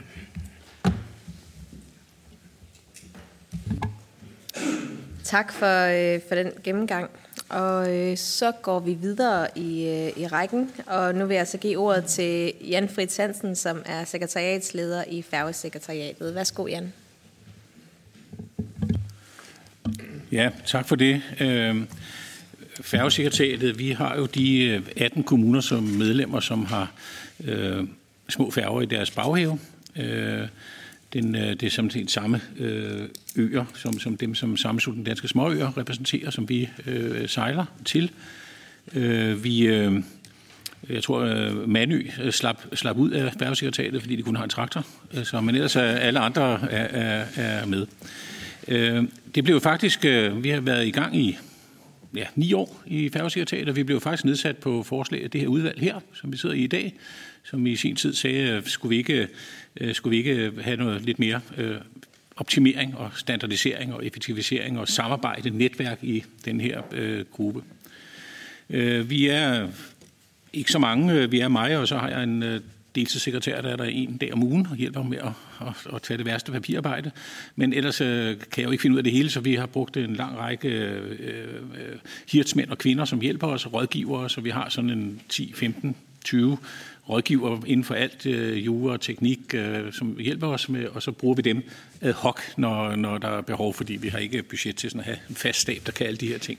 Så det er den måde, øh, vi arbejder, og så selvfølgelig et ekstremt tæt øh, samarbejde med vores medlemskommuner og deres øh, øh, eksperter. Så øh, det der sådan som er, øh, vi blev faktisk, øh, da vi blev nedsat dengang, det var sådan en KL, der så udformede øh, hele øh, konceptet omkring det og etablerede færgesekretariatet, og vi har som sagt været i gang siden 1. marts 2015. Øh, det handler om netværk, det handler om erfaringsdeling, det handler om øh, også uddannelse, også efteruddannelse. Vi har også lavet en ny øh, øh, navigatør, øh, færgenavigatørordning, som efter en testfase øh, betyder, at vi kan vi ikke kommer ind i det i Sosoland, altså bekymring med ikke at have øh, øh, folk.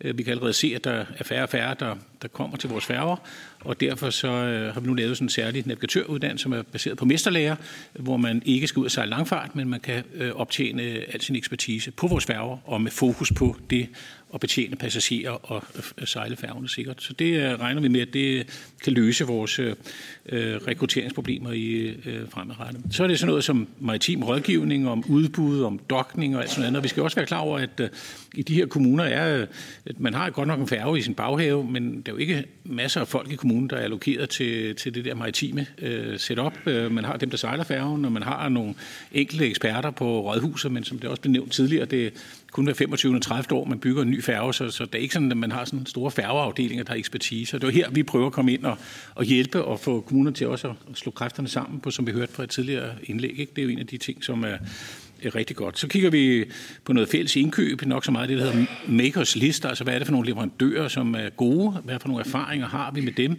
øh, og øh, så, så man ikke øh, ja, bruger en masse dårlige øh, leverandører, som ikke, ikke fungerer, men øh, vi ligesom mund til mund kan sige, at her er nogen, som man kan stole på, og som gør det rigtig godt i vores øh, lille sektor. Og en af tingene har for eksempel været vores søforsikringer, hvor vi har faktisk ændret markedsvilkårene ved at gå det hele igennem. Det var sådan lidt en allonge i mange kommuner, sådan til, når ja, man har også lige noget, en færge, man skal forsikre, og så brugte man nogle fiskeribestemmelser eller noget andet til det, og der var der også en enkelt kommune, der havde forsikret deres færge, ligesom Oslofærgen, og det kunne man nok lave lidt billigere. Så vi, øh, jeg tror faktisk, vi fik øh, næsten halveret priserne på, på det område. Så det viser sådan, at det at lære hinanden og arbejde sammen om det og bruge hinandens erfaringer, det, øh, det giver altså noget. Vi kigger også på turismefremme selvfølgelig, events og landevejsprincip, et af de punkter, jeg lige skal komme tilbage til. Og vi kigger selvfølgelig på grøn omstilling, som er øh, øh, konkretiseret lige konkret med standardfærger. Det kan også være andre ting, men det er i høj grad øh, vores standardfærgeprojekt, vi kigger på i øjeblikket. Og så har jeg fået i min overskrift, har jeg fået et, der hedder med videre, et lille punkt der, og det kommer jeg lige til at sige en lille bitte smule om, omkring regelforenkling for, øh, for erhvervet. Jeg tror, øh, jeg mig selv var lidt inde på det, følge reglerne med i forhold til den nye teknologi og sådan nogle ting, og det, der er nok et punkt der, vi lige skal have kigget lidt øh, grundigere på. Men øh, standardfærge først. Jeg har ikke taget noget billede med, fordi øh, det vil sådan set være lidt misvisende. Øh, selvom det er en standardfærge, så kommer det ikke til at se ens ud.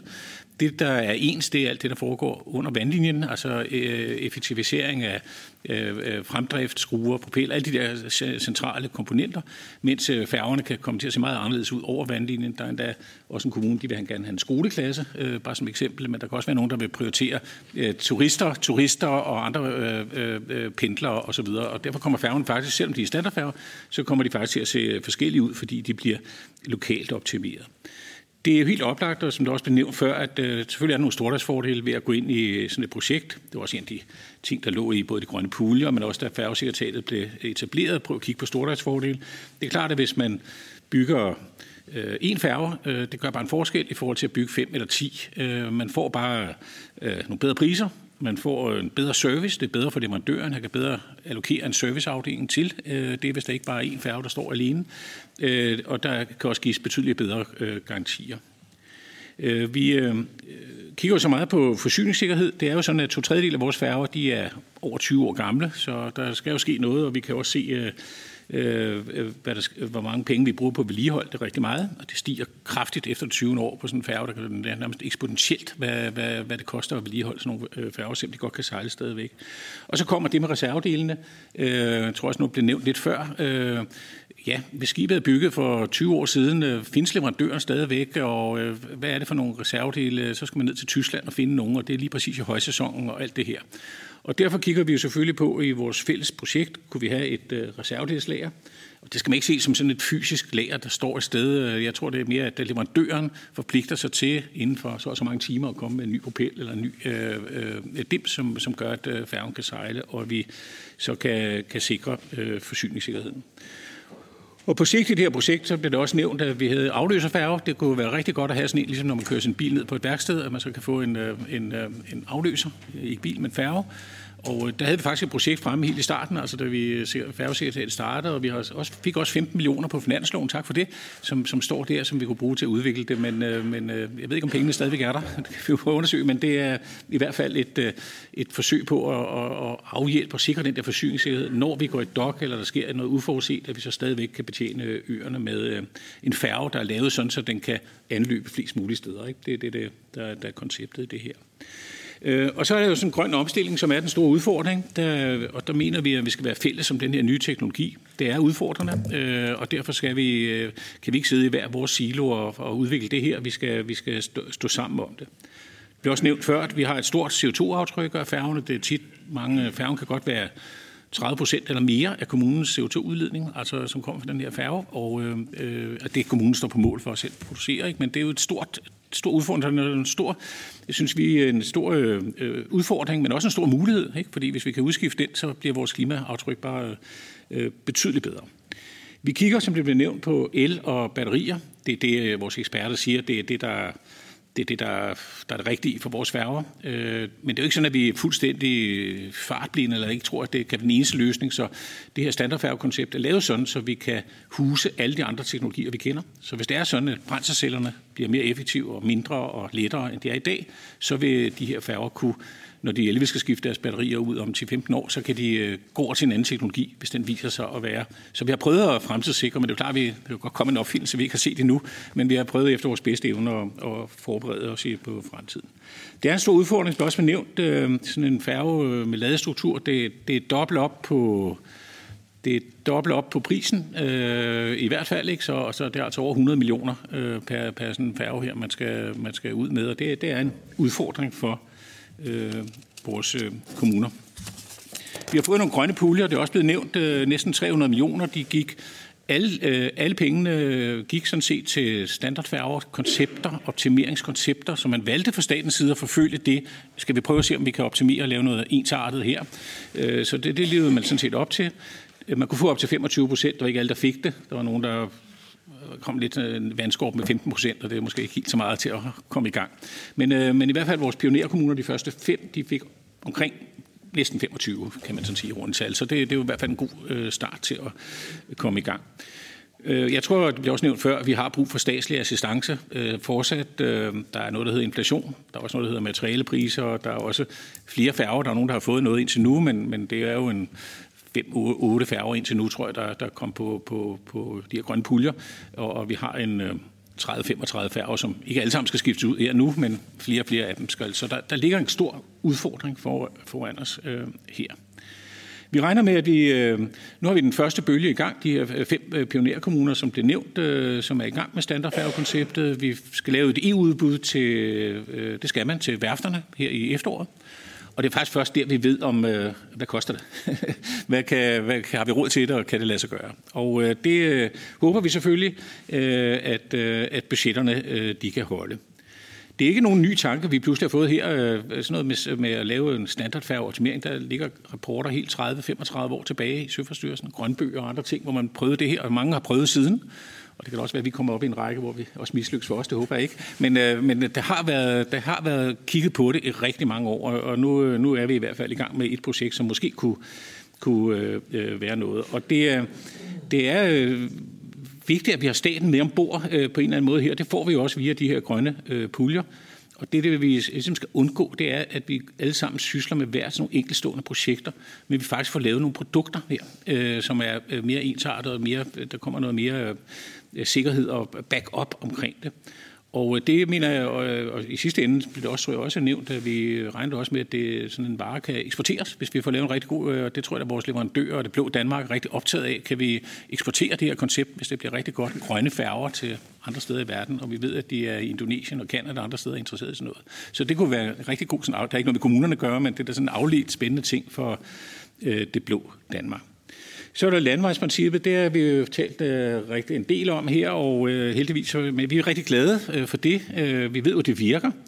Øh, det har været på vej siden, ja, før færgesekretariatet blev stiftet, øh, havde man de første undersøgelser omkring det her. Om det så bliver et fuldt princip, det kan man jo så diskutere lidt. Det kan vi også høre i dag. Øh, øh er det det? Øh, jeg tror nok, hvis man sådan, øh, det er nok, hvad man mener med et landvejsprincip. Hvis vi ser sådan på modellen og den måde, embedsværket har regnet med det, og KL, og vi har jo også haft en drøftelse øh, med øh, embedsværket om det her, så, så er det nok, øh, ja, så har man lavet et landvejsprincip under modellens forudsætninger. Og det er, jo, det er jo fint, og så er man kommet der. Hvis man så går ud i virkelighedens verden, så synes jeg måske, at ja, rækker det helt til det, de fleste opfatter som landvejsprincip. Altså det, det koster det samme som at køre på en kommunal landevej. Der, der er vi jo nok ikke helt i mål, og det håber jeg i hvert fald, at vi i første omgang kan få en forståelse af, at at øh, man måske ikke er helt i mål, selvom man har kommet til at kalde det et fuldt øh, landvejsprincip. Øh, der er stor forskel, jeg tror også, jeg nævnte det før, og nogle overfarter får 180.000, nogle får 3 millioner, bare vores små øh, færger, så det er jo også en stor øh, forskellighed i, hvad man kan gøre med de øh, midler. Vi tror selv, at øh, 10 millioner plus, øh, det er den størrelsesorden, der mangler øh, for, at øh, vores øh, små øfærger kommer i mål med det, man kunne kalde et et fuldt landvejsprincip i dagens øh, det ligger i den størrelsesorden. Så det er ikke så meget, der skal til for at komme øh, fuldt i mål, som vi ser det. Jeg synes også, vi skal sige, at øh, vi i færgesekretariatet også prioriterer tingene. Vi ved, at vi kan ikke komme rendende hele tiden og bede om statslige midler til det ene og det andet. Vi er glade for det, vi har fået øh, til, til hjælper, øh, hjælper os selvfølgelig i forhold til, hvad vi kan udvikle i forhold til øerne. Men øh, jeg tror nok, at den grønne dagsorden er øh, på en måde vigtigere og en større udfordring for os. Så det er jo nok der, hvis man skal prioritere knappe statslige midler, så er det nok der, man, øh, man, øh, altså, vi vil sætte mest pris på, at man, man, man kiggede. Ja, så øh, havde jeg lige det sidste punkt med videre, det regelforenkling, øh, og nu øh, det er jo mest øh, Søfartsstyrelsen og Erhvervsministeriet, som, øh, som regulerer vores øh, færger. Øh, vi er jo en kæmpe søfartsnation, som alle ved, øh, og der, vi er, der er internationale regler, der gælder for det. Det skal der også gøre. Det, det er den måde, det skal være på. Men vi synes jo lidt sådan, at for vores små færger i sådan baghaven her i Danmark, øh, der kunne man måske tilpasse det lidt mere, det der internationale regelsæt. de ting, der er behov for ude på de store verdenshave, er det helt det samme, vi har behov for her hjemme i vores egen øh, have. Vi har fået et øh, fint øh, lille udvalg i Søforstyrrelsens regi, sådan et øh, indrigsfærgeudvalg, hvor vi kan rejse de her ting, og så vi er på vej med en række af de her øh, ting, og vi er også i en god dialog men øh, det er bare en, øh, en stor opgave i forhold til de traditioner, man har, og de øh, ved også en international aftale, og ikke sådan, der lige laves om på to timer. Vel? Det er, øh, det, det er, sådan, det er tunge, tunge systemer.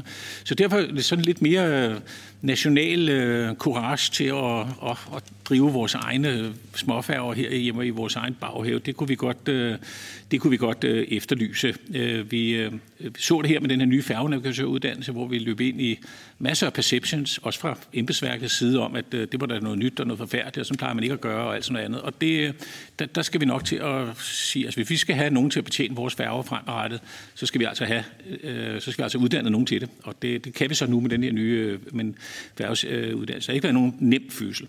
Batterier, det er også nævnt før, godkendelsesregler omkring batterier, det skal seks måneder ned på et skrivebord i Bruxelles. Ikke? Altså det, Behøver, det, behøver man det øh, med de her alternative vurderinger? Kunne man sige, at ah, nu ved vi så meget om det, at vi er også en stor søfartsnation, så vi kan nu godt uh, selv finde ud af, hvordan vi uh, laver vores batterier herhjemme, i, hvor i hvert fald i vores lille baghave. Det er ikke noget, der burde genere andre lande, at vi sejler lidt mellem en lille ø her til en af vores kommuner. Så uh, der er sådan nogle ting, hvor, hvor vi siger, at der er et regelsæt, som måske ikke er helt øh, fokuseret nok. Vi kan også se sådan noget som mm, salas til vores øh, øh, værfter, når vi skal i dokning og udbyde det. Så selvom det er en tom færge, så øh, er der alle mulige regler for dispensationer, og hvem der skal sejle, og hvor hvad, og nødhavne, man skal angive alt muligt for at komme hen til den der øh, værft, hvor man gerne vil have dokket sin øh, færge. Her er øh, en masse regler, der vi får løst nogle af dem hen ad vejen. Øh, jeg tror bare, at det er en, en proces, vi, har, vi er nødt til at holde, fordi det her byråkrati, det, det, tager altså, det tager bare kræfter ud af vores økonomi i det her. Og øh, øh, en af de ting, som også bekymrer os, øh, øh det er jo øh, de helt små færger, nærmest både, vil jeg kalde dem, som ikke engang har biler.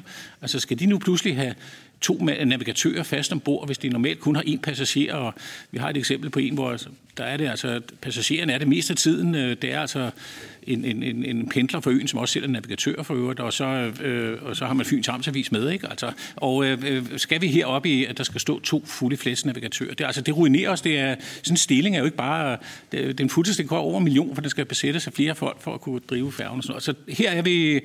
Her, her må vi, vi skal ikke gå på kompromis med sikkerheden, men vi må også analysere, øh, hvad, hvornår er det behov, og hvornår er det vigtigt at have de her øh, øgede øh, krav til sikkerheden og, og mandskabet. Så det er også noget, vi, vi kommer til at, at diskutere ret øh, intenst i forhold til øh, vores myndigheder.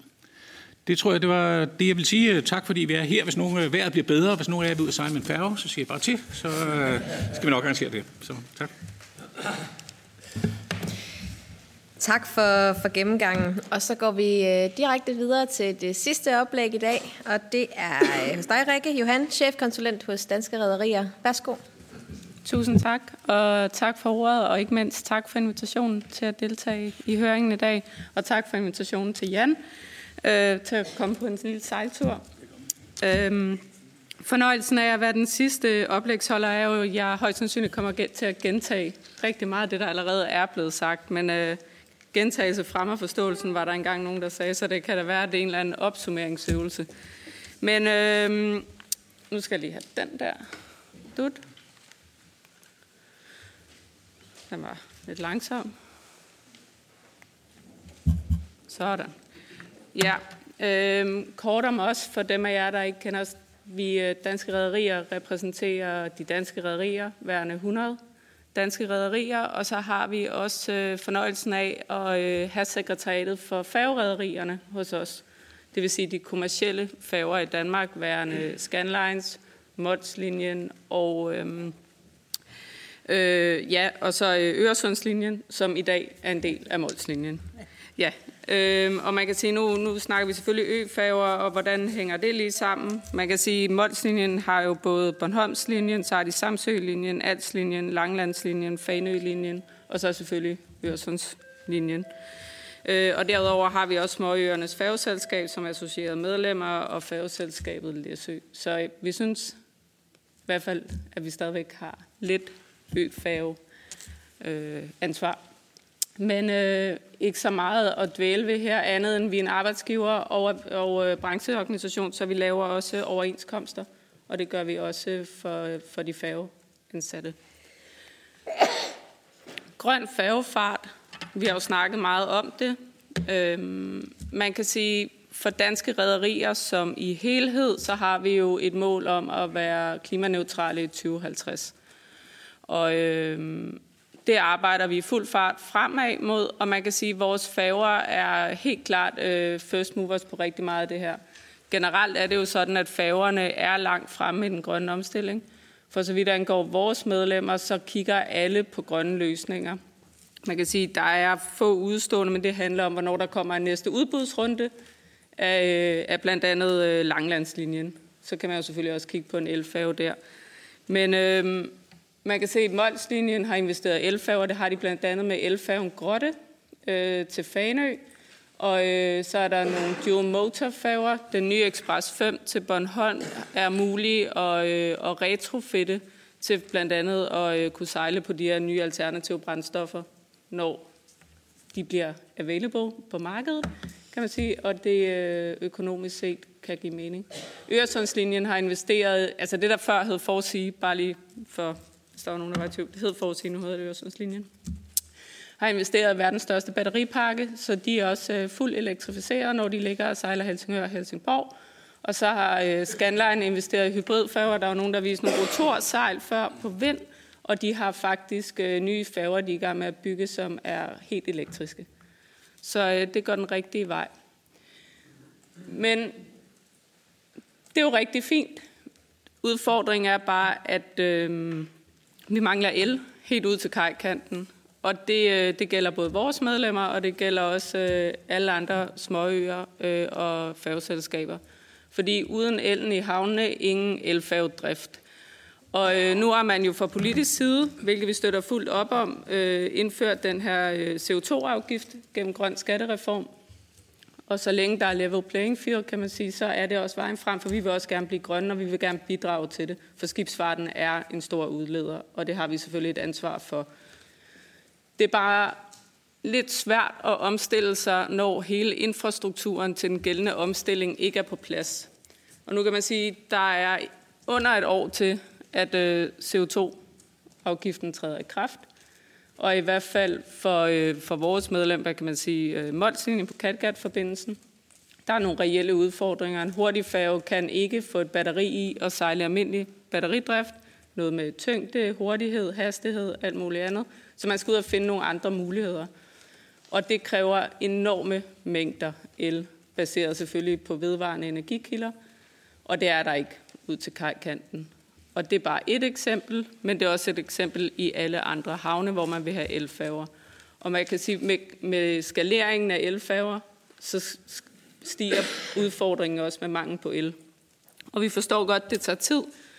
Øh, men det, der har været glædeligt at se i forhold til udbygningen af havvind den sidste periode, er, at man jo fra politisk side har været inde og kigge på, hvordan man kan, hvad kan man sige, sætte hastighed på udviklingen af havvind og kigge på, hvordan man kan nå i mål med, øh, med ens egen målsætninger. Og det håber vi også, man kan kigge på noget fast-track-ordninger i forhold til el til havnene. Fordi vi er med på, at der også er andre, der skal have el. Men vi står også i forhold til småøerne, blandt andet med, hvad kan man nærmest definere det som kritisk infrastruktur. Så der er brug for el. Fordi hvis der ikke er el til færgen, så ligger den sådan set bare og ligger. Og det er relativt problematisk. Øhm, ja. Øhm, så en af de andre udfordringer, vi har, det er, øhm, jo, vi støtter jo selvfølgelig op om øh, de her puljer til, øh, til omstilling af færgefarten grønne puljer. Vi håber også, at når man kigger ind i de nye puljeudformninger, at man til gengæld også tager højde for de øh, kommersielle færger, ud over de kommunale ejede færger. Bare så det er ligeligt fordelt på tværs af alle færgeoperatører i Danmark. Øhm, ja, så øh, grønne udbud, grønne kriterier i færgeudbuddene. Hvad mener jeg med det? Man kan sige, Molslinjen vandt for et par år tilbage øh, udbuddet på, øh, på Als- og Samsø-linjen, og det gjorde de med elfærger. Og det er man jo enormt glad for.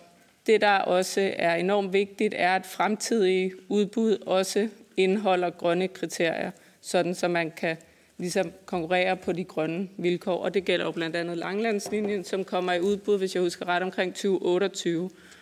Molslinjen er klar, og jeg tror, Jette Gottlieb på et tidspunkt spurgte ind til øh, i forhold til eldrift af blandt andet Langlandslinjen, og hvad der var muligheder her. Og der kigger man jo ind i, at, at en sådan ændring skal lægges ind i en ny udbudsrunde, så vi håber i hvert fald her, at man sætter krav til, at de skal være grønne. Det er jo selvfølgelig vigtigt at fastholde princippet om øh, teknologineutralitet, og det mener vi til hver en tid. Så derfor, om det er el, som er det bedste bud lige nu, og det er det jo også ud fra den præmis, nu snakker vi om det tidligere, med de sektorer, som kan elektrificeres, er dem, der skal elektrificeres. De såkaldte hard-to-abate-sektorer. Så er der dem, der ikke kan elektrificeres. Standard, det er så dem, der skal have de alternative brændstoffer som, hvad kan man sige, som grundpræmis. Og det er jo fordi, at de grønne brændstoffer, for så vidt angår metanolen, blandt andet er baseret på CO2, som er en begrænset ressource, så vi bliver nødt til at bruge brændstofferne rigtigt, hvor de skal bruges. Ja, så, øhm, så er det bare en, en lille hejsflag. Det man så under øhm, Rusland-Ukraine-krisen, hvor at øh, brændstofpriserne steg rigtig meget, elpriserne steg, det var, at man har jo Fanø-linjen, som er en ellinje. Og det er, at man står med stigende elpriser, hvorfor man kan diskutere, hvor prisen, prisstigningen skal ligge på, øh, på de her stigende elpriser. Og det er en enorm vanskelig beslutning at tage både for kommunen og for borgmesteren og for rædderierne. Så vi håber, når man også sætter krav til den grønne omstilling, som vi som sagt gerne vil være en del af, at man også forholder sig til de geopolitiske, klimamæssige udfordringer, der kan være. For der kan være stigende elpriser, men en løsning skal i hvert fald ikke være, at man lægger de grønne skibe op, fordi det bliver for dyrt at drive grønne løsninger. Jeg ved ikke, hvad det rigtige vej er, men det er et faktum, at verden nu engang er, som den er. Så der må også være en fælles risikotagning, når man også, og det går jo også ud til kommunerne og dem, som investerer i grønne færger, at man forholder sig til, at elpriserne kan stige voldsomt. Men når du først har investeret i en ny elfave, så er det meget, meget dyrt at lægge den op, fordi alternativerne måske er billigere. Så der kigger jeg på de dygtige politikere herinde og siger, at det er bare enormt vigtigt, at vi sammen finder en løsning på sådan problemer. Også for kommunerne og de mindre færgeselskaber. Ellers sådan en øh, ældre parole udfordring med hjem til EU-midler. Vi snakker jo rigtig meget om, øh, om finansieringen af øh, den grønne omstilling for færgefarten, og det er en dyr postering for alle. Faktum er også, at der er rigtig mange penge i EU-systemet, der er rigtig mange fonde. Og at finde ud af som rædderier, som kommuner og alle mulige andre, hvad der er løsninger, er også meget, meget vanskeligt. Regeringen har nu nedsat et hjemtagningssekretariat i forhold til hjemtag EU-midler. Det er vi rigtig glade for. Men hvis sådan en proces kan skaleres, og der er endnu mere dialog imellem kommuner, redder for så vidt angår, også øh, alle mulige andre i forhold til, hvordan man gør i praksis. Fordi der er mange muligheder her, og man kan sige, det er jo penge, der er betalt af Danmark en gang til EU-systemet, så vi skal jo også være gode til at tage dem hjem igen. For der ligger i hvert fald nogle muligheder der. Ja, og den sidste pointe er tilbage til den grønne skattereform. Nu kommer der jo en pulje under grøn skattereform, som er en omstillingspulje, øh, som man ligesom besluttede sig for at lave, fordi der er nogle sektorer, som skal omstille sig, hvor man kan sige, at de så kan få økonomisk støtte i den her omstillingsperiode. Det er jo ikke en, hvad kan man sige, at man holder hånden under, men for dem, der er ude at tage meget store investeringer, det er særligt de store udledere, har man så valgt at lave en omstillingspulje for de penge, man får ind for skattereformen. Der, øh, der har været fokus i aftaleteksten på, at blandt andet hurtigfærger inkluderes her. Og det gør de jo, fordi at hurtigfærger i dag ikke kan omstilles til de teknologier, der er på markedet. Så vi håber jo også meget, at, at man fra politisk side øh, vil fastholde fokus på at hjælpe de sektorer, de virksomheder, som i dag kommer til at være underlagt grøn skattereform, men som ikke har teknologiske muligheder for at omstille sig for næste år, til at finansiere nye teknologiske muligheder. Molslinjen kigger blandt andet på flywheels, svinghjul, men der er også alle mulige andre nye elbaserede teknologier. Men det er ikke teknologier, der er til rådighed på markedet i dag. Det er ikke en løsning, du kan gå ud og købe på markedspris. Og der er, det er også en risiko, man skal tage som virksomhed, når man går ud og investerer i det. Så vi håber, at der vil være fokus på det, når man skal udforme de endelige øh, kriterier og detaljer, og øh, at forligskredsen skal tilbage til det.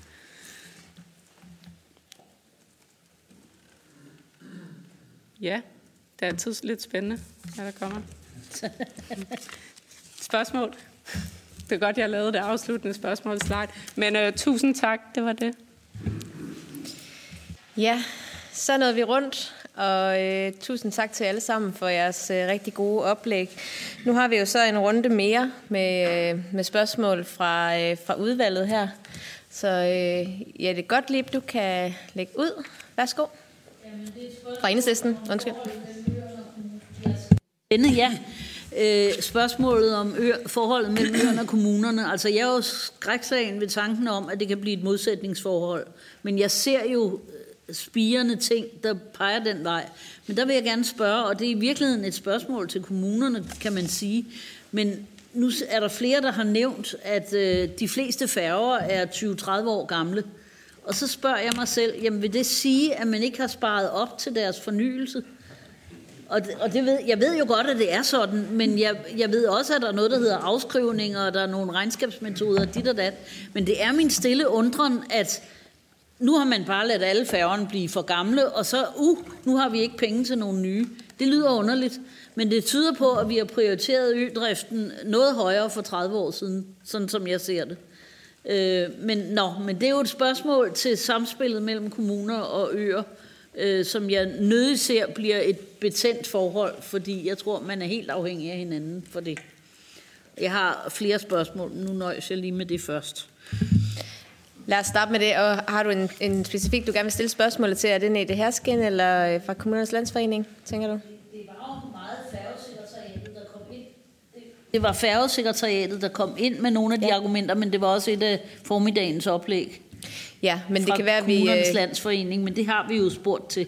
Ja, Ja, men øh, det kunne også, Jan Fritz Hansen, vil du øh, knytte en kommentar til, til Jette Gottliebs øh, undren, og så måske ja, også øh, det, det, det, det er ikke noget, der ligger i på vores bord. Altså, det er de enkelte kommuner, der, der kører de regnskabsmæssigt, så jeg tror, vi bliver nødt til, at, nødt til at sende øh, bolden lidt videre. Man kan jo vente om at sige selvfølgelig, at man ikke har brugt pengene til at spare dem op, så man forhåbentlig brugt dem til at sejle færgerne godt. Men, men lad os se. men, men jeg, jeg kan ikke komme det nærmere. Nete, øh, vil du supplere i det her skænd? Det vil jeg gerne, tak.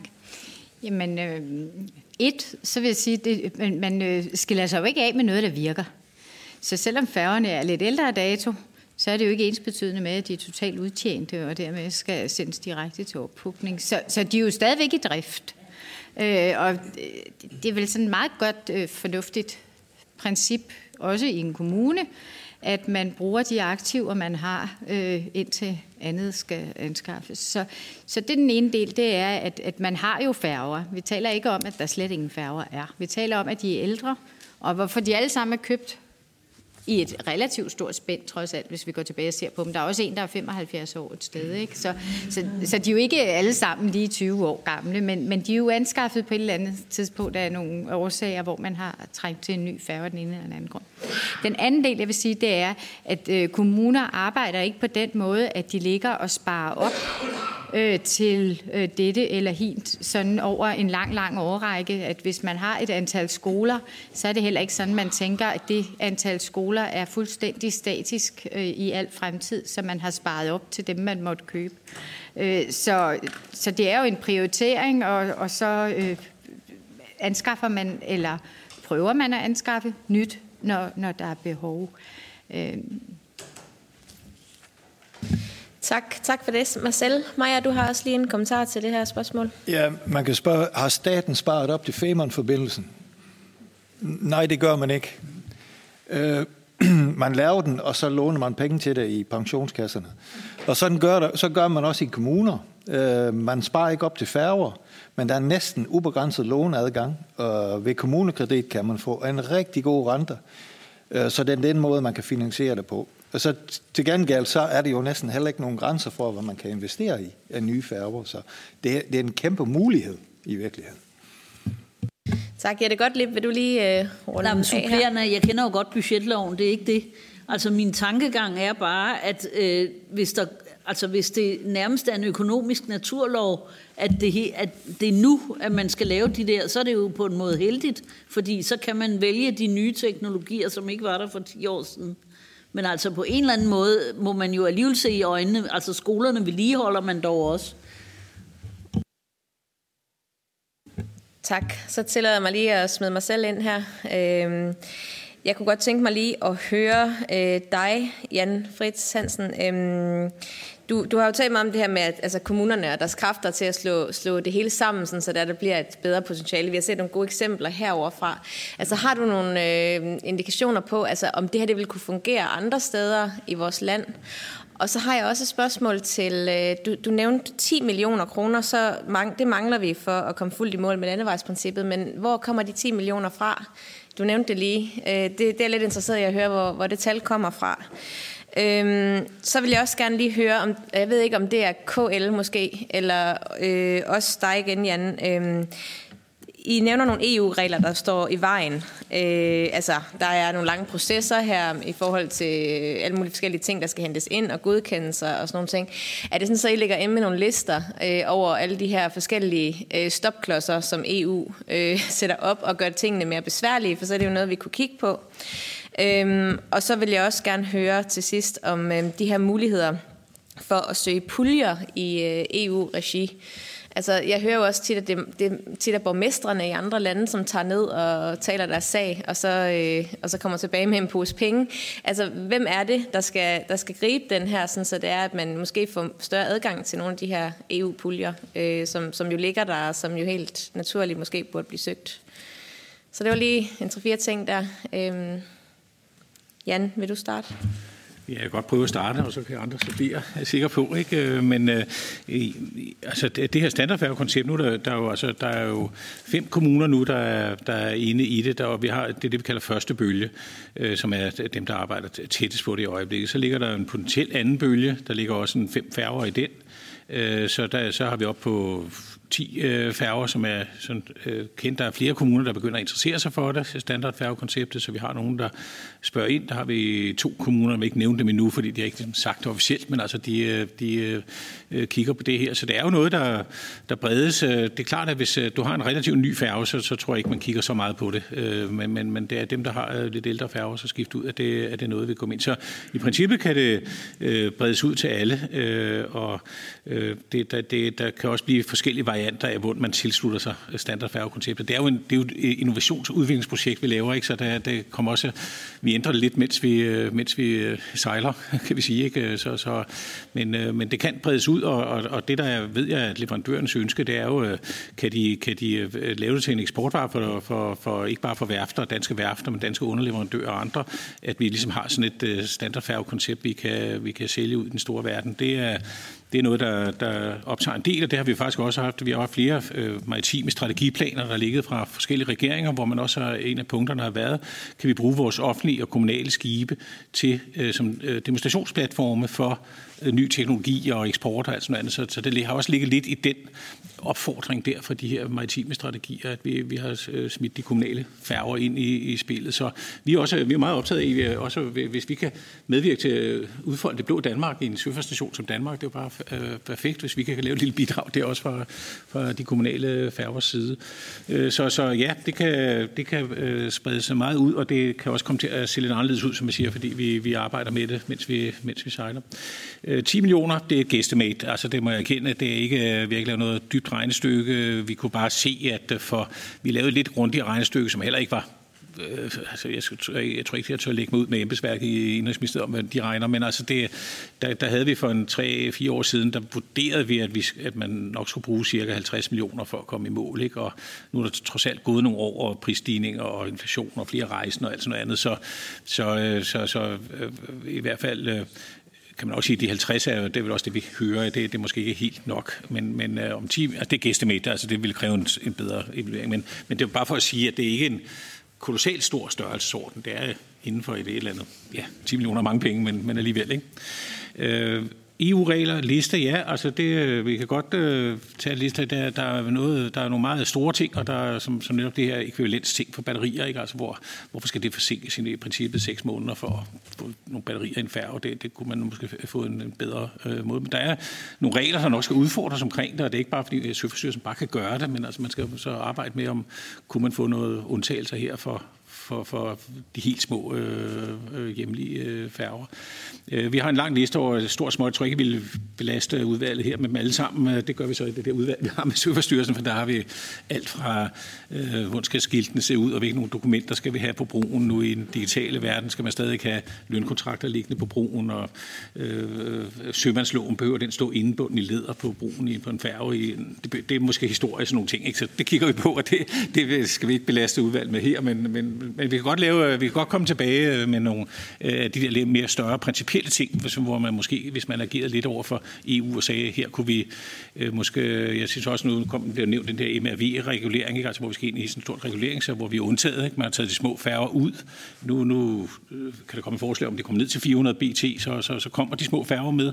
Øh, samtidig har man ikke fra dansk side brugt den undtagelse, man kunne for at holde øer uden for det her. Altså det er der mange andre europæiske lande, der har sagt, at vores øgrupper, man skal, tror, man skal bruge 200.000 på en ø, og så kan man være ude af det her. Ikke? Det har man så valgt at sige, nej, men det, det, det bruger vi ikke for Danmark, fordi vi er, vi, vi, går bare, vi er bare grønne. Og det er også fint, det har vi jo ikke, det er vi jo helt med på, men, men det kunne godt være, at man lige skulle tænke de her ting igennem.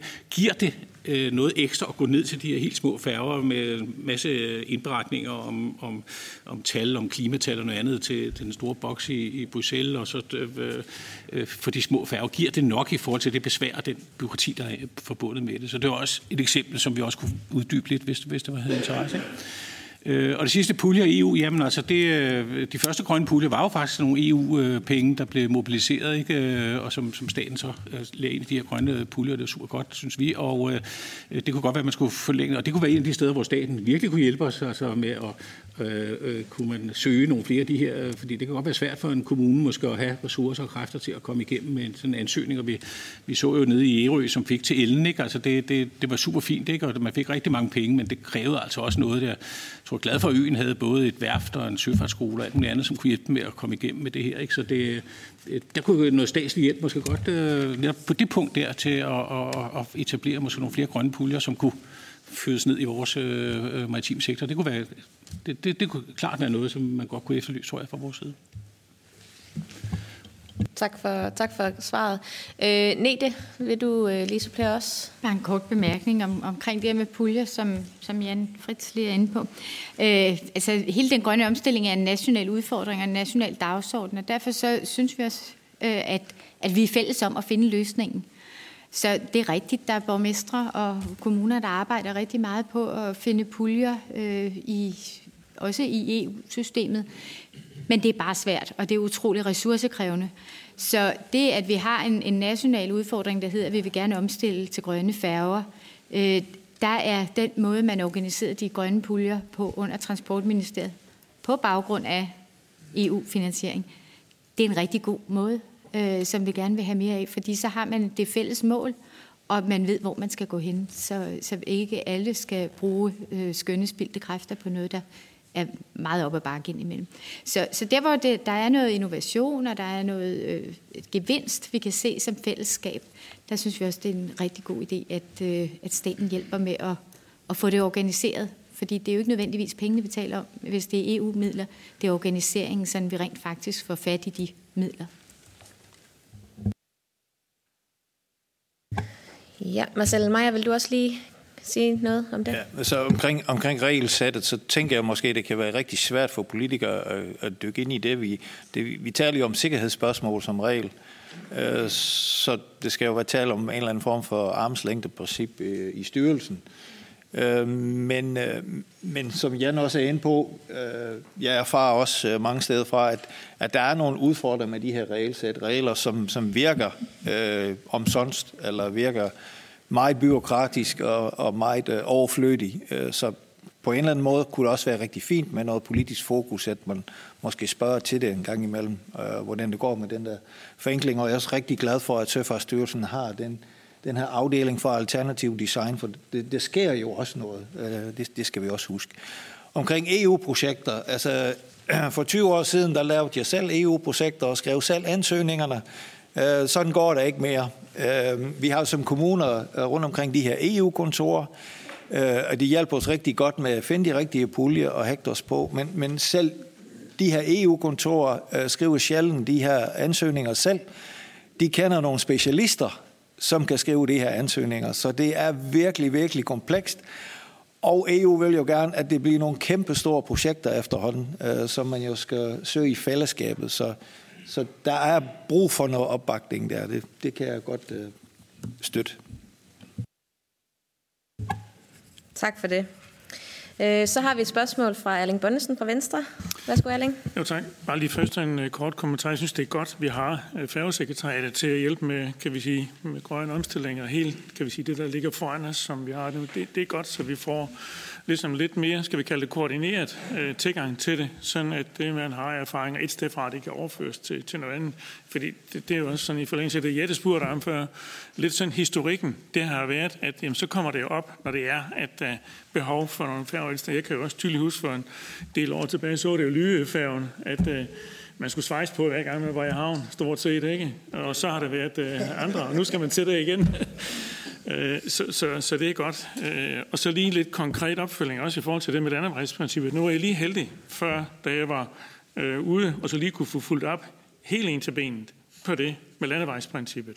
Helt op. Øh, og at øh, der er der også finanslovspartierne. Øh, det er alle partier, undtagen enhedslisten jo. Så alle partier har jo været øh, inde ved forhandlingsbordet det var Danmarksdemokraterne også, det var vi alle sammen. og at der blev også, øh, ligesom, hvad skal vi sige, tjekket af, at tingene på plads i forhold til landevejsprincippet, og det nikkede alle ja til. Så alle partier i Folketinget, ikke enslisten, som ikke øh, valgte at være med, man har sagt, landevejsprincippet, det er nu på plads. Der var lavet de beregninger, og der er sat de der beløb af, der er, og det er de svar, man får, og det er også givet ned i Folketingssalen her for bare ganske, ganske kort tid siden. Det kan man jo alle sammen gå hjem og trække ud, hvis man har lyst til det. Så man kan bare sige, at konklusionen lige nu, den er, at øh, landevejsprincippet, det er fuldt gennemført. Der er sat de penge af fra staten, der skal til. Så kan det selvfølgelig være, som vi var inde på tidligere, hvis der er nogle forudsætninger, et eller andet, der ændrer sig, sådan er verden jo altid, jamen så må vi selvfølgelig, som vi var nede på, at kigge på det. Man kan bare sige, at, øh, at, øh, lige nu, der er konklusionen i hvert fald sådan, og det er så det, vi øh, så må, må dele med, kan man sige. Så vil det selvfølgelig også være, dem der så siger, at der ikke er sat penge nok af, de vil jo så også blive udfordret på, jamen har de fortsat besparelser på deres færgedrift af andre årsager, alt muligt andet, som ikke har noget med sagen at gøre, det skal jeg ikke blande mig i, det er jo kommunale, det er jo kommunale prioriteringer, det, kan, det er jo kommunale politikere osv., der skal stå på mål for det, men det kan også være årsagen til det. Og det er det formentlig nogle steder. Det behøver det ikke at være alle steder. Men øh, diskussionen er bare lidt bredere og dybere end som så. Så jeg siger bare, inden vi nu lige farer ud, jeg siger, at øh, der blev regnet forkert og alt muligt andet. Det, øh, det tror jeg ikke, der er. Men der kan være nogle forudsætninger, der ændrer sig, og det er jo så det, vi må hjælpe hinanden med at følge op på. Og så i forhold til det med at begynde at lave delt ansvar, jamen øh, det, det, det, det, det kan jeg også høre til, det ligger, det ligger ikke til højrebenet. Øh, fordi at øh, det bedre, man ligesom, hvad skal vi sige, lokalt styrer sine færger lokalt. Og hvis man skulle gå hen og sige, at staten kan tage det økonomiske ansvar, så, så tror jeg ikke, man gætter helt forkert at sige, at der er de penge af, så kan I selv bestemme, hvor mange afgange jeg har for det. Det er lidt hårdt sagt, men jeg, jeg tror, det er klogere. Det er min anbefaling. Ellers, øh, vi har også diskuteret det på nogle af vores konferencer, så må vi jo finde ud af, hvordan får vi så sikret, at der er, øh, om man så må sige, fuldt i mål på de her ting. Det tror jeg, det er det for at begynde at ligesom at sige, at øh, har først ligesom lagt øh, halvdelen af det over til staten øh, på økonomien, jamen så, øh, så er det slut med at styre færgen. Så kan man godt få lov til at stille ventilerne, men øh, så tror jeg også, det er sagt med det. Hmm. Så det vil jeg bare anbefale for egen regning, at øh, det skal man tænke sig meget godt om, hvordan man får, får gjort. Men lad os få tjekket, om der er nogle forudsætninger, som vi var inde på tidligere, så at øh, man ikke, øh, kan vi sige, i hvert fald alle partier, øh, lige nu øh, siger, at tingene er på plads, som de skal være lige nu, medmindre vi får ny viden. Så men øh, Jan, da jeg kommer til Ærø, så kommer jeg lige ind på kontoret, så kan vi jo lige øh, kigge lidt på beregningerne. Ja, tak for det, Erling. Øh, ja, og den her, øh, den her høring blev også faktisk sat i søen før, at der overhovedet var øh, noget med landevejsprincip, tror jeg faktisk, at, øh, at vi snakkede om den her høring allerede i sommer. Øh, så den handler jo også om, om blandt andet landevejsprincip, som vi har anledning til at snakke om i dag, og som mange af os partier jo alle sammen er glade for. Men nu skal vi jo også øh, ud og se, om det egentlig også virker, som det skal. Så det er også godt, du, øh, du tager det op. Men vi har en kommentar til, til Erlings kommentar spørgsmål øh, fra Erik Schmidt. Værsgo. Ja, tak. Ja, og det er lidt den her med det fuldt ud landevejsprincip. Øh, før havde vi 46 uger, hvor vi havde et, øh, et tilskud til, og der har vi jo så nedsat prisen i de 46 uger. Øh, nu har vi fået en, øh, en ekstra pose penge øh, til de resterende 6 uger, så vi har til alle 52 uger. Men de 46 uger, hvor øh, vi, vi besejler og har øh, så og så mange passagerer på, det er jo beregnet ud fra det øh, passagerantal, og derfor har vi kunne reducere prisen i de 46 uger. De seks uger, vi har valgt, og det har været valgfrit, at hvornår man kunne sætte de her seks uger ind, men det har selvfølgelig været hen over øh, højsæsonen, hvor der har været flest kunder med. Og, og det vil sige, at der procent, øh, procentvis er langt flere kunder i de her seks uger, hvor vi har fået en mindre pose penge til.